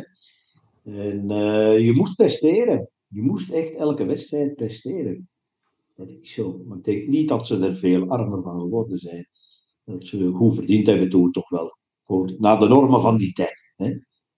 Nou, korte ja-nee-vraag voor wanneer dat we naar de jaren 80 uh, eh, gaan, uh, Raf. Hadden we gewonnen op Wembley en Dim Raoul Lambert had meegedaan? Wel, hij zegt het zelf. Hè. Ik ken geen bescheidener mens en voetballer dan Raoul Lambert, maar ik heb hem toch die quote kunnen ontlokken tijdens een uh, bijeenkomst van de, de oudspelers. 30 jaar na Wembley in de meest droevige omstandigheden die, die men zich kon inbeelden, want dat was de week dat Ster geleden, overleden was en werd herdacht. En, maar toen zei hij, ehm, ja, eh, Liverpool lag mij. Ik wist hoe we ze moesten bespelen. En ik ben ervan overtuigd dat als ik 100% fit was en ik had een goed seizoen achter de rug, dat we ze hadden kunnen pakken. Mijn standpunt is, mochten we, mocht Club Brugge met de ploeg eh, waar men aan het seizoen begonnen is en tot de winterstop behouden heeft, eh, met zijn au grand complet dat betekent ook Courant, die toen zijn beste seizoen had, de spelmaker van club was geblesseerd. Maar in de winterstop eh, vertrok Roger Davis naar Leicester City voor een beetje meer geld. Ja. En die stond daar al te knapste tanden op Wembley, waar hij in de commentatorscabine zat. maar zet Davis, Lambert en Courant op het veld. Want nu hadden we Lajos Koe, die maar één keer meegedaan had daarvoor. Dan heb je misschien een andere partij. Het is wel zo dat die match het einde van een tijdperk was. Dat, dat zei Jensen mij ook. De helft van de ploeg was eigenlijk geblesseerd. Ja, ja, ja. Ik, ik was ook. Ja, wij waren eigenlijk maar met zeven fitte spelers van de veertien. Ehm, het was de match te veel van die Ja. fantastische drie jaar. was dan toch de weerzijde van eh, het harde labeur dat de Happel eiste van de spelers. Vooral dat heeft eh Eddie Warinier mij eens gezegd. Ook de, de keerzijde van ja, het feit en dogen ook. Medische ontwikkeling ook niet vergelijkbaar is met vandaag. Hè. Mm. Toen speelde men dus met 15 spelers eh, Heel seizoen. 50 à 60 competitieve wedstrijden. Hè, dus Ja, ja. Nu zijn er dat eh, 25, 30. En je wordt heel anders begeleid. En dat was toen niet het geval. Hè. Dat is zeker waar. Eh, jaren 80, Graf. Hè. De clubsupporter houdt ook wel van de keiharde tackle. Hè, van voor dat stadion, de sfeer, dat, dat helpt in onze reactieve manier van supporteren om ons op te jagen. Mamadou Thiou, Ja, was hij de beste? Mamadou, die tackle?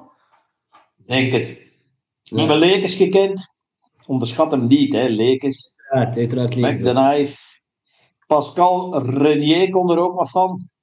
Juist. Maar niemand had de schwung in dat lichaam van Mamadou toe. Waarom? Omdat hij een ja, straatsteegjes, strandvoetballer puur sang was. Hij heeft het allemaal geleerd. Waar hij vandaan kwam in Senegal, waar geen amper voetbalvelden eraan waardig eh, waren. Waar je waarschijnlijk voetbalde van s morgens tot s avonds als je vrije tijd had. En waarin een soort overlevingsdrang zat in, je voetbalspel. Want je wist al dan niet intuïtief, hier kan ik misschien ontsnappen eh, uit de armoede als ik mij goed ontwikkel. Dat ging niet echt toen. Je moest dat op straat leren, maar ja, vandaag, eh, de grote namen uit het wereldvoetbal, die zeggen altijd straatvoetbal is de beste opleidingsschool die er bestaat. Dus die Mamadou, die leerde die interceptie daar. En hij leerde daar ook om net, hoe moet ik dat zeggen, net over de scheef te gaan en toch niet te ver. Want hij is niet vaak uitgesloten. Hè. Hij wist dus echt van, tot hier kan ik gaan. Allee, dat is een gevoel, denk ik, op den duur. Hè. Tot hier kan ik gaan om die bal nog te pakken. Ik kan dat risico nemen.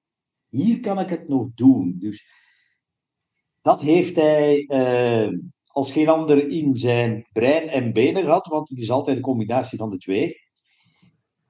En hij werd op die manier de cultfiguur van de cultploeg, zoals ik het noem, uit de geschiedenis van Club Brugge, van het fantastische 87-88 jaar, hè, waarin hij ja, een beetje held en anti-held was. Eh, Door, eh, Omdat hij tegen Espanyol, maar het, het was dankzij hem dat club zo die risico's kon pakken. Ja, voilà. Dat ze wisten, hij, hij komt nog altijd terug op een of andere manier. Slaagt hij er wel in om daar nog een voet of een sliding of een tackle uit te puren die de bal pakt en toch de fout niet maakt, doorgaans. Doe mij, een beetje dus- denken, doe mij een beetje denken aan eh, Odilon Kosuno eigenlijk. Die dan vooral ook op snippers, ja, hij had ook wel een tackle, maar vooral op snelheid, altijd net op het juiste moment uh, het gevaar uit de angel haalde. Uh, ja. En zoveel oploste in plaats van puur mandekking of daar top in te zijn. Maar ja, doe mij daar wat aan De beste verdedigers zijn degenen die uitblinken in het positiespel.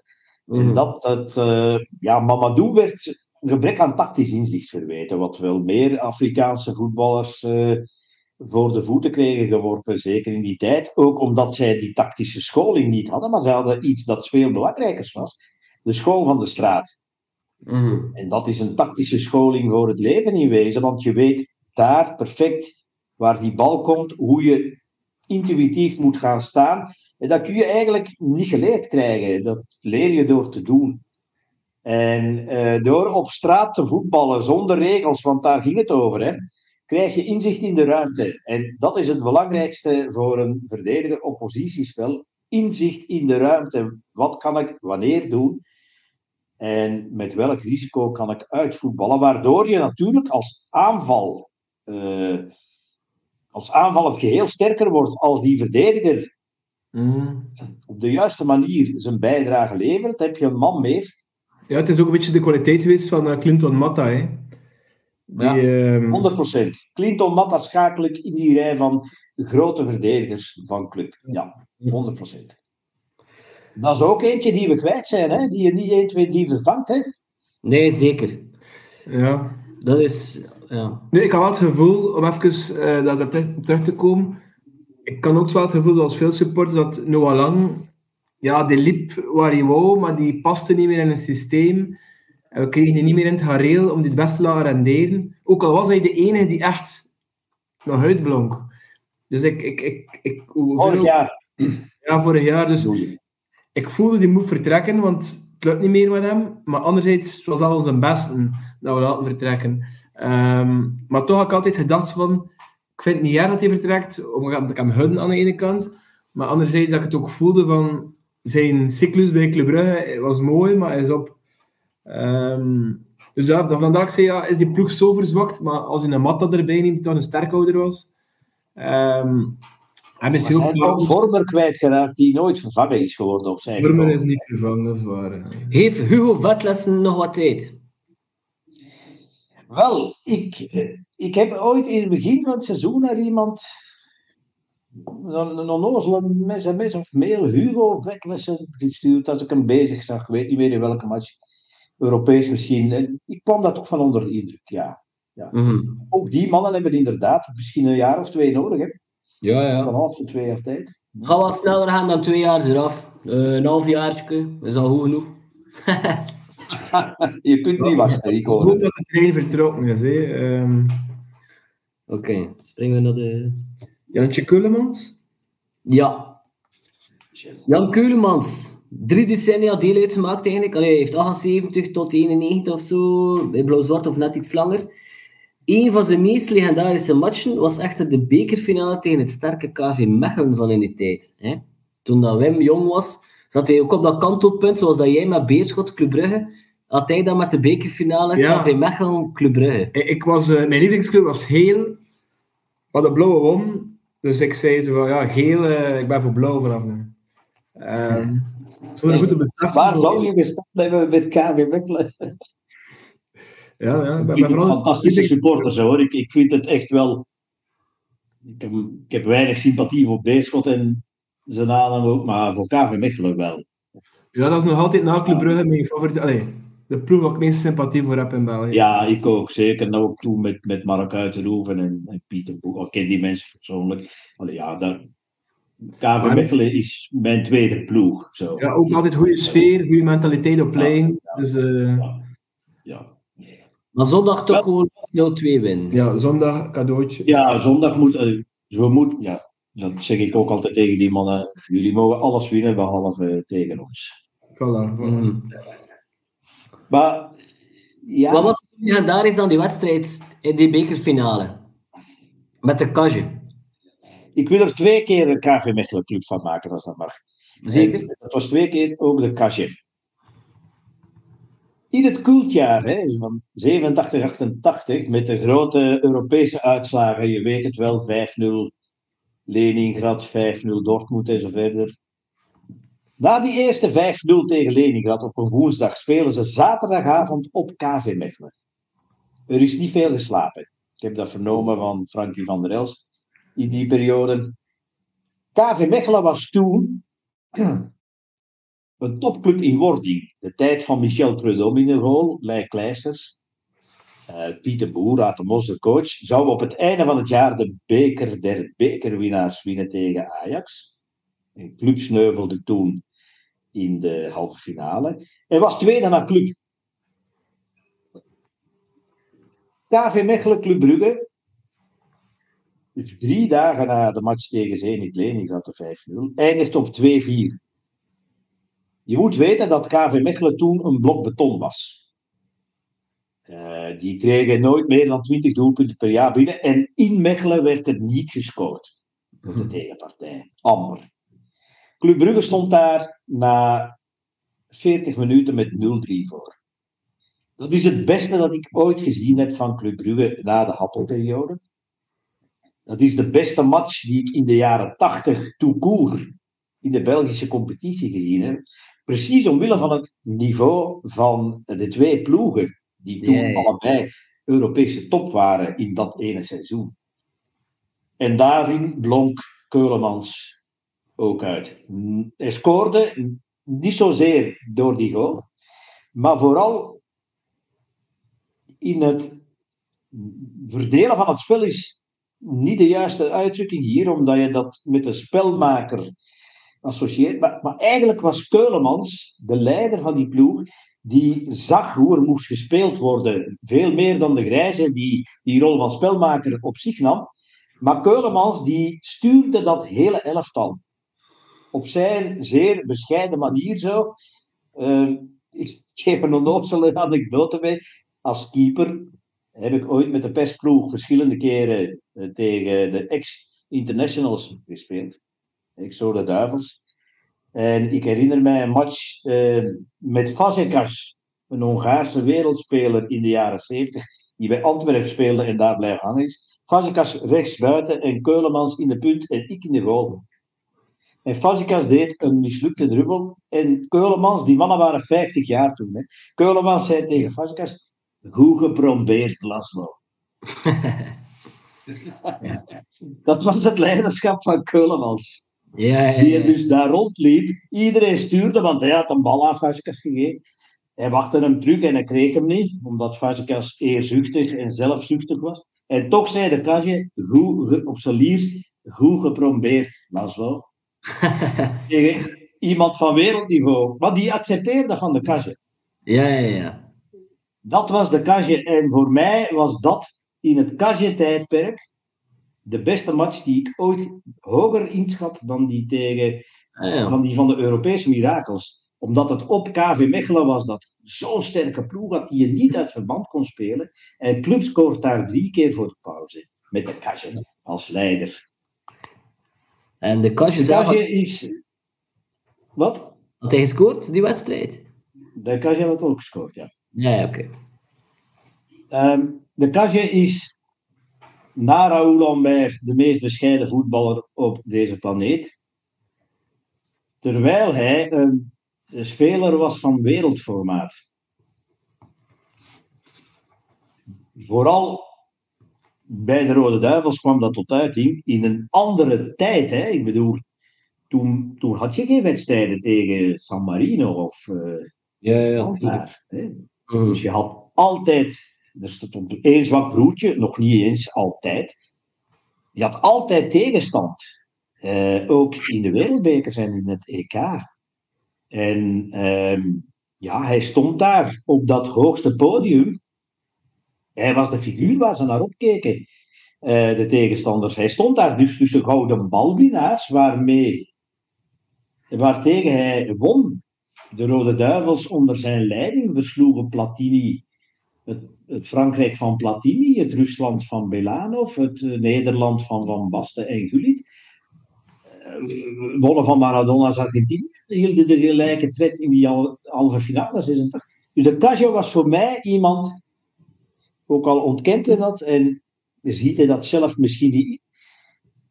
Als historicus noem ik dat iemand van wereldniveau. Ik vind dat nog altijd de beste rode duivel aller tijden qua prestaties. Ja, ja. Haar en de Bruine zullen betere voetballers zijn dan Keulemans. Maar qua prestaties in dat decennium dat veel moeilijker was om te presteren, dat decennium van de jaren 80 met een nationale ploeg van het formaat van België, heeft Keulemans eh, de Rode Duivels naar een topniveau geleid. Dat is mijn visie op Keulemans. In mijn ogen is hij, dus Lambert is natuurlijk de eeuwige clubspeler aller tijden en met alle verdiensten die hij heeft. Maar we hebben geen betere gekend dan Keulemans. Ja, ja. Uh, in zijn compleetheid. Mm. Niet als dribbelaar of niet als stilist die een vrije trap, maar in zijn compleetheid. Hè. Hij, kon, hij kon alles. Hij kon alles. Hij gaat zeggen, ik kon alles, zo zegt hij dan, ik kon alles een beetje, maar zo is niet goed genoeg. Hè. Nee, nee, hij kon alles. Hij kon alles. En vooral dat leiderschap zonder blufferigheid, maar van de, gewoon van daar te staan. Ja, ja. Dat is goed gedaan. Goed gedaan, ja. Goed geprombeerd. Geprombeerd op zijn lies. Ja, ja, ja. En dan die match tegen KV Mechelen in de beker van 91, dat was zijn zwanenzang. Ook al wist men dat op dat moment niet.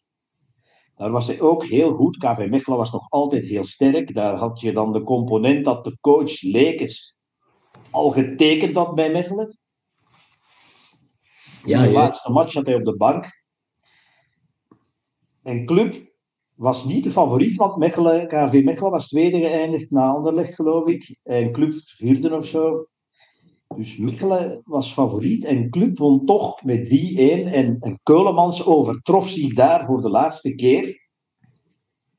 En zonder het te weten was dat een beeld van vol symboliek. Dus een, een, een, in een stortvlaag, het regende pijpenstelen. Kreeg Club dus eh één minuut voor tijd bij 2-1 stand een strafschop. In doel Michel Predom, op dat moment de beste keeper van Europa. Hij staat daar in de wetenschap, als ik hem binnentrap, zijn we zeker gewonnen. En hij die niet vaak een strafschop nam. Ja, ja. Ik weet nog altijd niet waarom hij die nam en niet Farina of zo. Hij trapt hem binnen. 3-1 ontlading als aanvoerder, de beker in de lucht. En dan heeft hij denk ik nog één of twee keer maximaal meegespeeld op competitief niveau. Want direct daarna moest hij onder het mes. Dus ja, voor hem was dat eigenlijk zeer erg, voor Club Brugge ook. Voor de geschiedschrijvers was het een mooi beeld om hem daar te plaatsen. Hè. Mm. Tragiek en euforie in elkaar. Al wist hij dat zelf niet.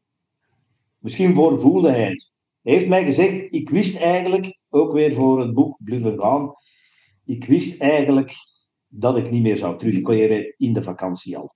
Ik, wist ik voelde dat. Ik voelde dat. Ja, ik weet, hij is er nog geprobeerd terug te keren, maar terug hervallen in september of zo. En ik weet dat Hij heeft in... Ja, dat Ja, ik zie hem altijd zitten met zakkeis op zijn been. Die beelden van, ja, Kullemans is weer geblesseerd en het gaat gedaan zijn, zijn ze. Dat is een nieuwsitem. in december heeft hij zelf gezegd, ik stop ermee. Ja, Min van het jaar, min van het seizoen. Of in januari, of enfin, tijdens de winterstop. Ja, dacht iedereen, hij komt nog terug. En dan heeft hij zelf gezegd, eh, ik stop ermee. Want hij kon nog gerust het seizoen uitdoen, maar hij wou dat niet. Hij heeft dus zijn contract laten ontvliegen, denk ik. Enfin, hij is gewoon gestopt. Hoe dat dan contractueel verder ging, weet ik niet. Maar hij was van de ene dag op de andere geen werknemer van Club Brugge meer.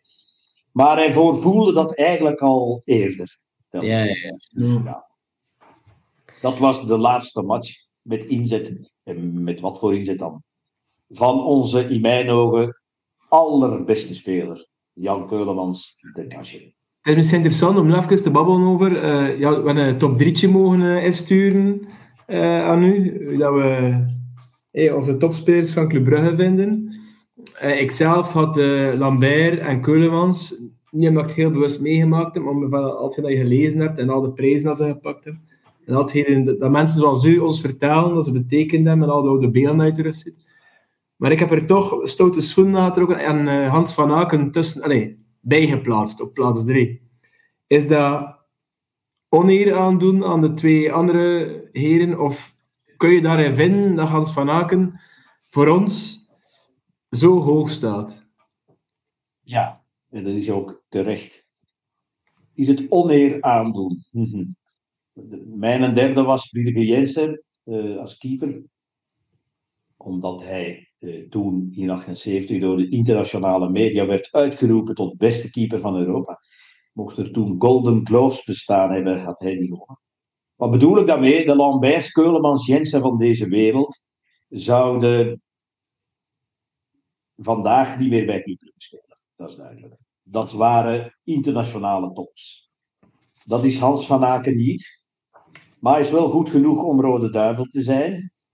Ehm, en hij is vooral, vooral een ongelooflijk stabiele clubspeler uh, geweest. En met hem is het begonnen. Als je terugkijkt, ja, het is niet met Vormer begonnen. Het is met Van Aken begonnen. Want het is pas toen Van Aken kwam dat Club Brugge uh, zijn eerste landstitel pakte. Hè? Ja. En dat is mijn standpunt ook over de identiteit van Club Brugge. Het moet veel meer zijn dan No Sweet No Glory.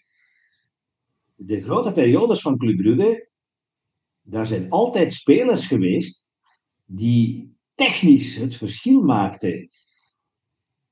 Van Johnny Thio tot van, uh, Hans van Aken. En besef heel goed, in, in, in de periode van Happel, je moet, je moet eens terugkijken naar Liverpool Club Brugge UEFA Cup 76, de finale. De tweede goal, dat is een tiki-taka spektakel van elf achtereenvolgende uh, passeerbewegingen van club. Dus de techniek wordt vaak onderschat bij Club Brugge. En ik vind Hans van Aken op een iets trager niveau dan het allerhoogste beetje in slow motion.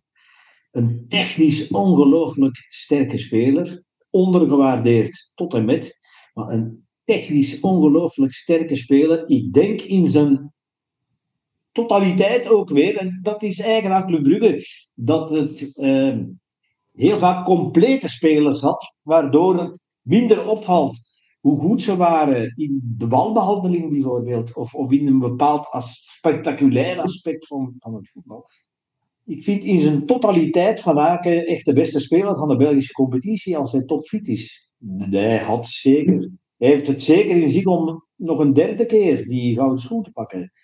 Nog eens een topseizoen maakt. Maar hij steekt in België er bovenuit met wat ik noem die touch of fantasy. Hij weet hij heeft een gave ehm, om de bal op de juiste plek neer te leggen. Puntgaaf, centimeters juist. Vooral op het precieze ogenblik. En hij kan dat op verschillende manieren.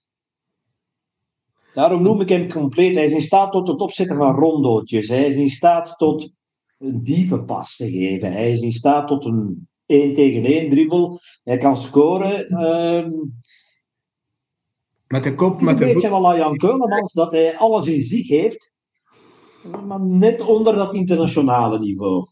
Ja. Maar hij is dus zeer belangrijk voor Club Brugge geweest in de 21ste eeuw.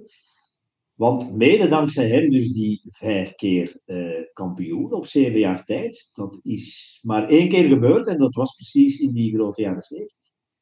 Ja, maar ook die zes kwalificaties voor de groepsfase van de Champions League is een topprestatie. Dat onderschat men te vaak. Daar kan Club Brugge verder niks gaan zoeken, als het ware. Omdat de verschillen nu eenmaal financieel te groot zijn. Maar het is een topprestatie om daar zes keer op zeven jaar of acht jaar te geraken. En daar zit er toch denk, ook vijf keer tussen. En ik denk maar één keer vierde worden. Ja, ja, ja, ja, ja. Klopt. Altijd derde of zo. Klopt. Ja, ik heb tweede ook. Hè. En ik heb tweede, ja, uiteraard. Ja. Um, dan zie je dat je door de mand valt, omdat, je daar, omdat we daar niet mee kunnen. Hè. In die finales horen we niet thuis, als het ware. Maar ik vind dat wel het werk. Voor mij is Van Aken het bindmiddel. van deze generatie geweest. Nog meer dan Vormer. Vormer is de drijvende kracht. Hè? De aanvoerder die in de pauze zegt: we pakken ze, we maken ze kapot. 5-0. Hè? We gaan voor die 5-0 tegen Anderlecht. Dat is Van Aken natuurlijk niet. Hè? Maar Van Aken maakt de 4 of de 5-0 dan. Hij maakt ze, ja. Maar je gaat dat niet zeggen. Dus Vormer de drijvende kracht van die generatie. Maar Van Aken het bindmiddel, de, de, de figuur die het proces mogelijk maakt in een elftal. Dat is nog belangrijker. Er even op verder bouwend.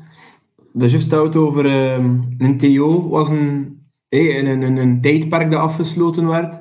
Uh, eigenlijk uh, de finale op Wembley met de ploeg van Happel was een tijdperk hey, die afgesloten werd. En dat, dat de Lambert toen ook geblesseerd was, maar ook al 36 was of zo. Um, ja, vier, zoiets, hè. Zo, 3 of 34. Ja, die, was... die heeft nog een paar jaar meegedaan, maar eigenlijk uh, niet, niet, meer zo goed gespeeld. Niet meer prijzen en nog één titel, misschien uh, eind jaren 70. Maar en dan, en dan ook nu het gevoel met Matta die je zegt, uh, Mignolet is toch niet meer die, die 32-jarige keeper, maar hij heeft, heeft nee. die jaren gaan beginnen komen. Uh, Vormer is gestopt. Uh, kan Van Aken Ketelaar is weg. Ja, die, die, dat is natuurlijk, die was natuurlijk te goed dan misschien uh, om, uh, om, om te blijven. Um, maar van de redenen waarom Noah, door, uh, Noah lang door de mand viel. Zonder de ketel. Misschien. Dat is interessant om over na te denken. Ja. Maar ik wou zeggen is, heb je dan het gevoel dat, dat Van Aken hij moet vervangen worden en opvolger moet krijgen door iemand jeugdig? Of denk je dat... 30 jaar, ik kan nog twee, drie jaar mee. Hij kan die nieuwe ploeg nog helpen opbouwen. Dat denk ik wel. Vooral omdat hij in tegenstelling tot Vormer een ander type voetballer is. Vormer uh, moest het toch voornamelijk ook van zijn, van zijn uh, conditionele spirit hebben. Die moest op en af gaan. Uh, die was een energiebundel. Nogmaals, die hadden we ook 100% nodig. Uh, maar Van Aken ehm, heeft de, doseer, de kracht van de dosering in zich. En als je die goed benut en niet elke wedstrijd het veld opstuurt, want daar moet je goed tegenwoordig naar kijken. Uh, wanneer gaan we Van Aken gebruiken? Hè? Uh, dan kan die nog drie, vier jaar mee, daar ben ik van overtuigd, als hij fit blijft. Hè? Ja, dat denk ik ook. Die is nooit bij, hem, bij hem is de, de intelligentie belangrijker. Ja. ja, hij is in staat om zoals onder een Schreuder, heeft hij een tijdje lager op het veld te staan meer de opbouw van achteruit helpen verzorgen dan echt hoog op het plein, omdat we te veel aanvallende goede spelers zijn. En dat vond ik wel straf, die gast zich kan, kan heruitvinden uh, met dezelfde kwaliteiten eigenlijk. Um, ja. Vandaar ja, ik ook die, uh, ja, ja. Met nu gezien, nu, uh, met nu een match gewonnen zonder hem, maar hij deed tegen standaard opnieuw terug mee. Maar ik ga akkoord met u dat hij iets meer moet geroteerd worden om zijn houdbaarheid uh, iets te verhogen. Hij heeft zeker nog voor mij drie, vier jaar het leiderschap over, over deze ploeg. Hoe dat, hoe dat hij nu aan het spelen is, is, ja. is topniveau. Dat is zijn houden schoenenniveau. Hè. Dat is op een niveau van zijn twee houden schoenen. Ja, dus dat zijn er net, net iets minder. Hè. Goh, ze zijn toch nog altijd goed. Hè. Ik denk het jaar van schoen dat hij ook veel assists had en veel goals. En... Ja, maar op het einde van het jaar komt hij ook aan die statistiek. Zeker. We gaan, het zien. We gaan een keer over naar het begin jaren 2000 eraf. Um, kunnen we stellen, in de Sovjetperiode, kunnen we stellen dat die generatie, waar we ook zeer succesvol waren, hey, te, te, vergelijken met de vorige hegemonieën, uh, maar kunnen we stellen dat die generatie misschien puur qua voetbaltechnisch talent de minste was, maar wel een van de meest succesvolle qua prijzen. Staat die echt garant voor de Brugse werkkracht? Wel, die generatie was uh, kwalitatief, hè? zeker minder dan uh, ja, aan Happel valt niet te tonen. Nogmaals, het was een andere tijd. Die mannen van toen zouden vandaag zonder uitzondering in internationale competities hebben gespeeld. Dan had je de tijd van Houwaard. Uh, daar zaten ook drie, vier uh, echte toppers bij, internationaal, vond ik. Keulemans natuurlijk, Van der Elst, uh, Briller. op zijn manier, Mamadou ook wel, denk ik. In deze tijd zou hij dat gehaald hebben, op internationaal niveau. Um, ja, Papijn heeft er ook een jaar gezeten. Dat soort spelers had je niet bij Sovjet. Zelfs het tijdperk Broos met Amokachi, Stanic, eh, die, die zaten er niet bij Soljet. Dus wat deed Soljet? Dat was de bouwer van een collectief waarin de, de som van al die spelers groter werd dan hun individuele talent. Ja. Dat is altijd bij Club Brugge geweest, maar nogmaals, ik zeg erbij dat het individuele talent van de generaties in de jaren 70, 80 onderschat werd. Ja, ja, ja. Omdat bijvoorbeeld bij Anderlecht spelers technisch volmaakter waren. Hè. En bij Soljet had je dat niet. Hè. Daar waren Mendoza als uitzondering misschien, maar in tegenstelling tot Stadic of Amokachi heeft Mendoza geen internationale carrière gemaakt. Nee, inderdaad. Die was alleen bij Brugge goed genoeg. Dus dat betekent dat hij niet de kwaliteit had om die stap hoger, hoger te zetten. Enkel Timmy. Soljet voetbal. Wat? Enkel Timmy Simons heeft hij nog een stap hoger op kunnen Dat zetten. Peter van der Heijn ook. Simons, ik wou net zeggen, het Soljet Simons, het Soljet voetbal werd vooral door Simons eh getypeerd. Die op zijn positie eh, zeer goed was. Maar dat was natuurlijk een positie die vooral gericht was op het positioneel, hè, want hij maakte bijna geen overtredingen. Hè. Nee. Eh, op het positioneel dichten van de bressen, eh, op het zich aanspeelbaar opstellen om die bal verder met een klein tikje in het veld te brengen, want hij had ook niet de, de prachtige lange voorzet van, van René Verheijen of René van der Rijken in Nee. de jaren 70, 80, die, die, die echt eh, splijtende passes konden geven over 30 meter. Dat kon Simons ook niet. Maar dat inzicht, dat was fenomenaal. Hè? Dus stapje naar links, stapje naar rechts, hop, hop, hop, hop. Maar spektakel was er niet bij. Dus het was, was een hele sobere voetballer. En toch was het ongelooflijk doelgericht, want Club Brugge, hoe raar het ook mag klinken, heeft nooit meer goals gemaakt dan die Sovjet-periodes. Mhm. Ja, het was een Eén keer machine. zelfs bijna 100 in een competitiejaar. Ja, juist. En ik denk... Van 96, Simons heeft me dat gezegd, die, die hield dat bij, ook twee jaar geleden. Wij hebben 96 goals gemaakt in 32 matchen. Lommel hadden we gewonnen met 3-0, dat is 99, maar die uitslag werd geschrapt omdat Juist. Lommel failliet ging. Ja, juist. De terugmatch, ja, Lommel stond laatste, die hadden we zeker één goal gemaakt, dan hadden we 100 golen gemaakt, maar die mochten we niet spelen. Ja, ja, ja. Dus ja, dat is nooit gebeurd. Het is nooit gebeurd dat Club Brugge 100 goals maakte op een jaar. En Simons heeft dat allemaal berekend en die, die, die zei, kijk, in de, in, de, in de Europese matchen zoveel en dan de bekermatchen. En inderdaad, eh, zeer succesvol. Hè? Eh, Twee keer kampioen, twee keer bekerwinnaars, een paar eh, supercups. Ook de Champions League weer eh, meegespeeld. Ehm, Galatasaray. Wie ons de Champions League kam- eh, kwalificatie bezorgde, toch op een zeer belangrijk moment scoorde, was Nastja Tsjech. Die scoorde, eh, die zijn vrije trap. Dat was misschien wel iets zeer uitzonderlijks dat die generatie had, namelijk die vrije trap. Ik kan me niet voor de geest halen wie dat er beter trapte dan Nastja Tsjech ooit. Of het zou zo moet Bosco Balaban misschien zijn. Maar hadden wij daarvoor Het was, ja. Wel, nu noemt, ik vergeet hem een beetje, omdat ik ook met Gert Verheijen eh, in het hoofd zit als ik aan Soljet denk. Die dan weer niet van het Soljet voetbal hield, maar wel de, de meest doeltreffende speler was toen van club. Allemaal paradoxen.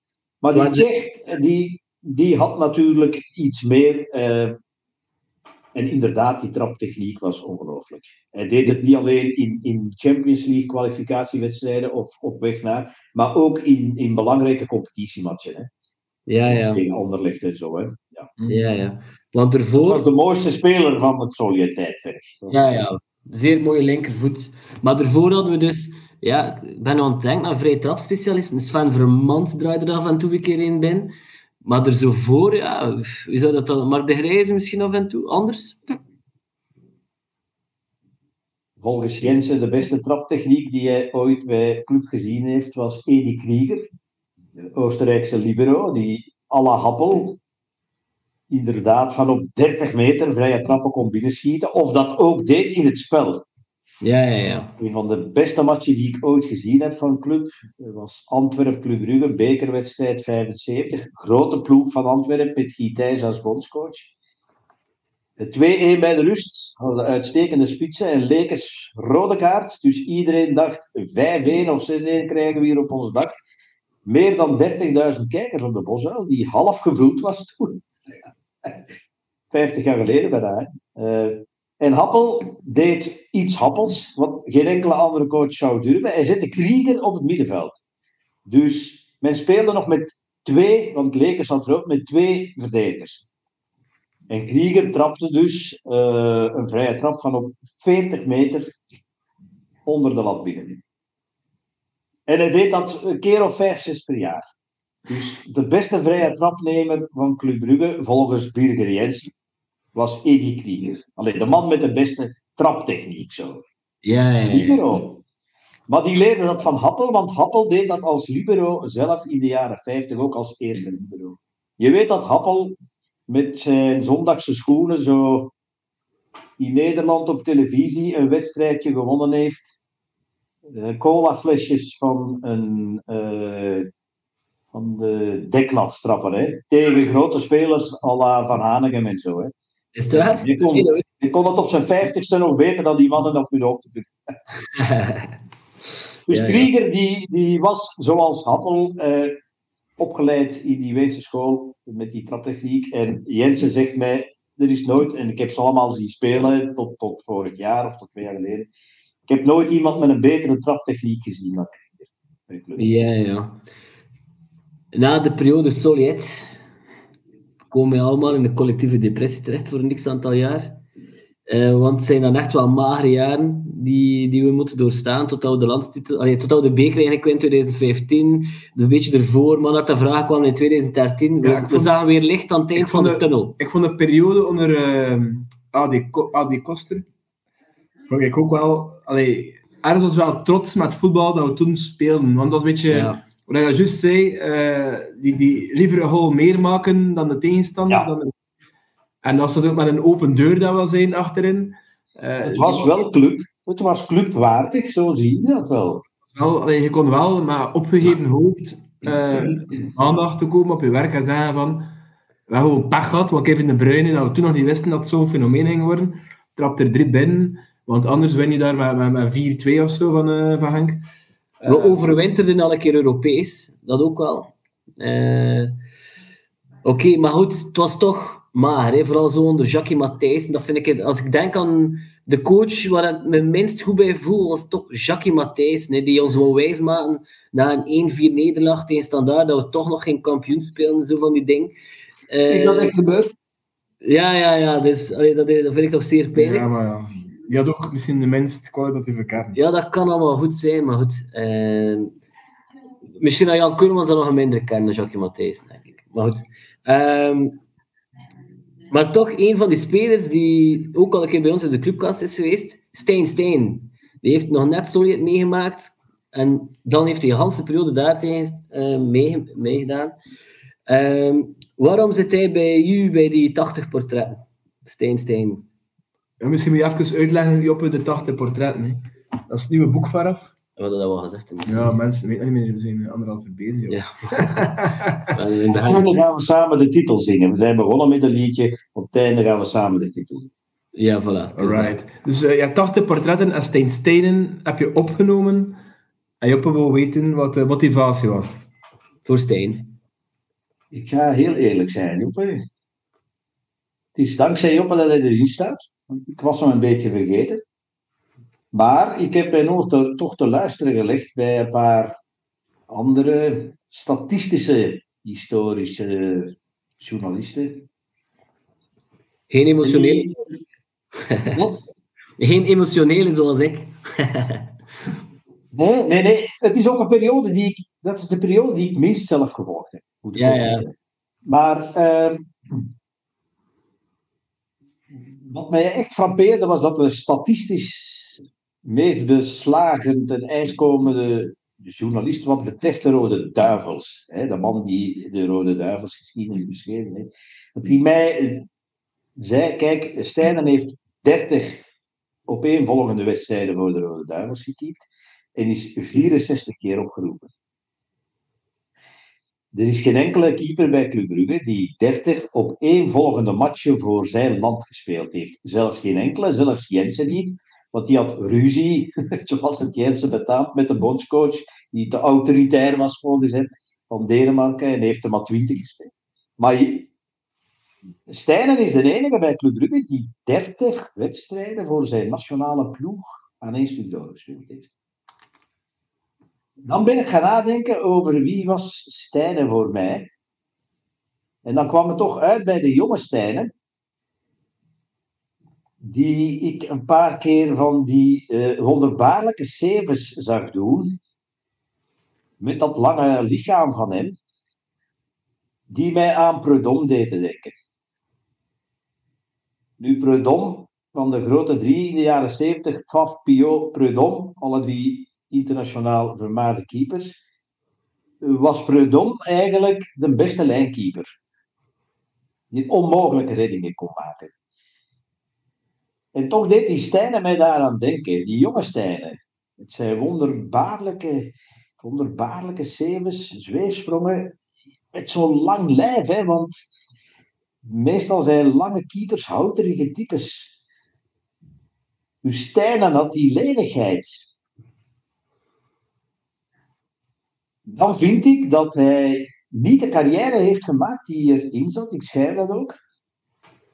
Ik begrijp niet waarom Soljet hem niet meer kansen heeft gegeven. Want natuurlijk, Verlinde, monument, hè, pas op. Verlinde, monument.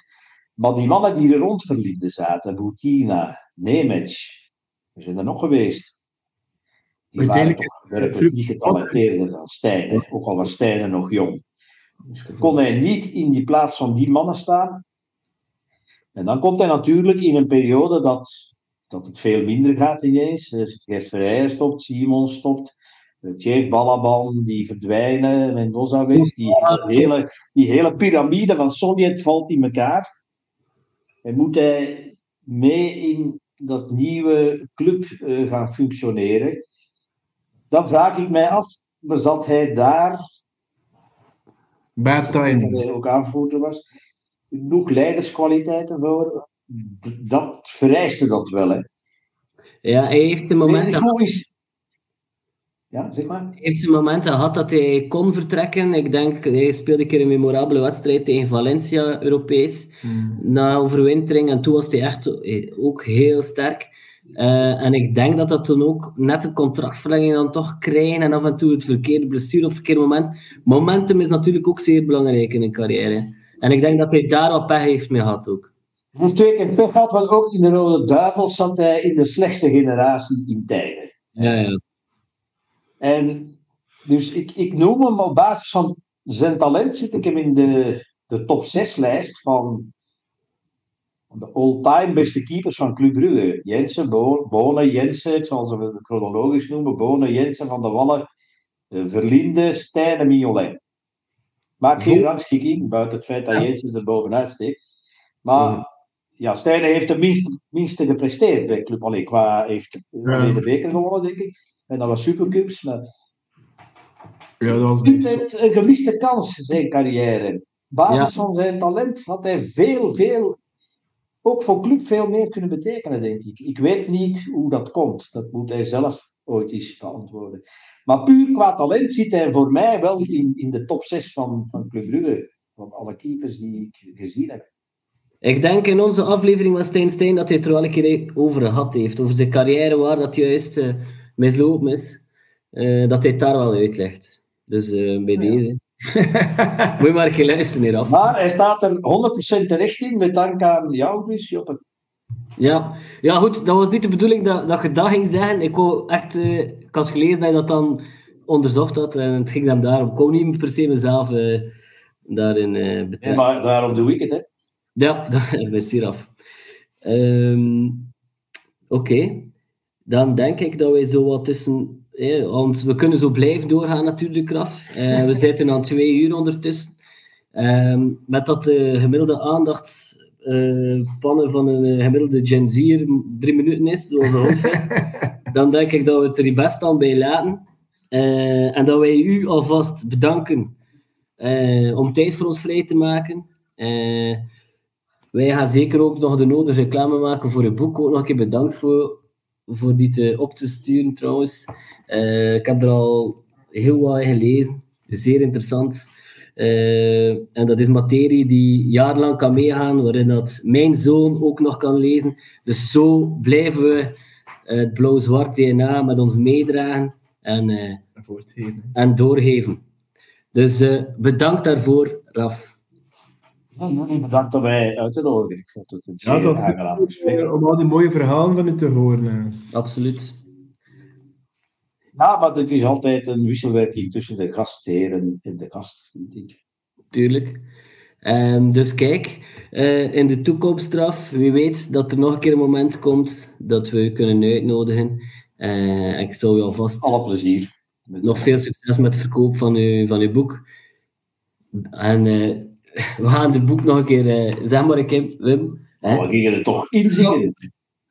Kameraden, hand in hand in hand.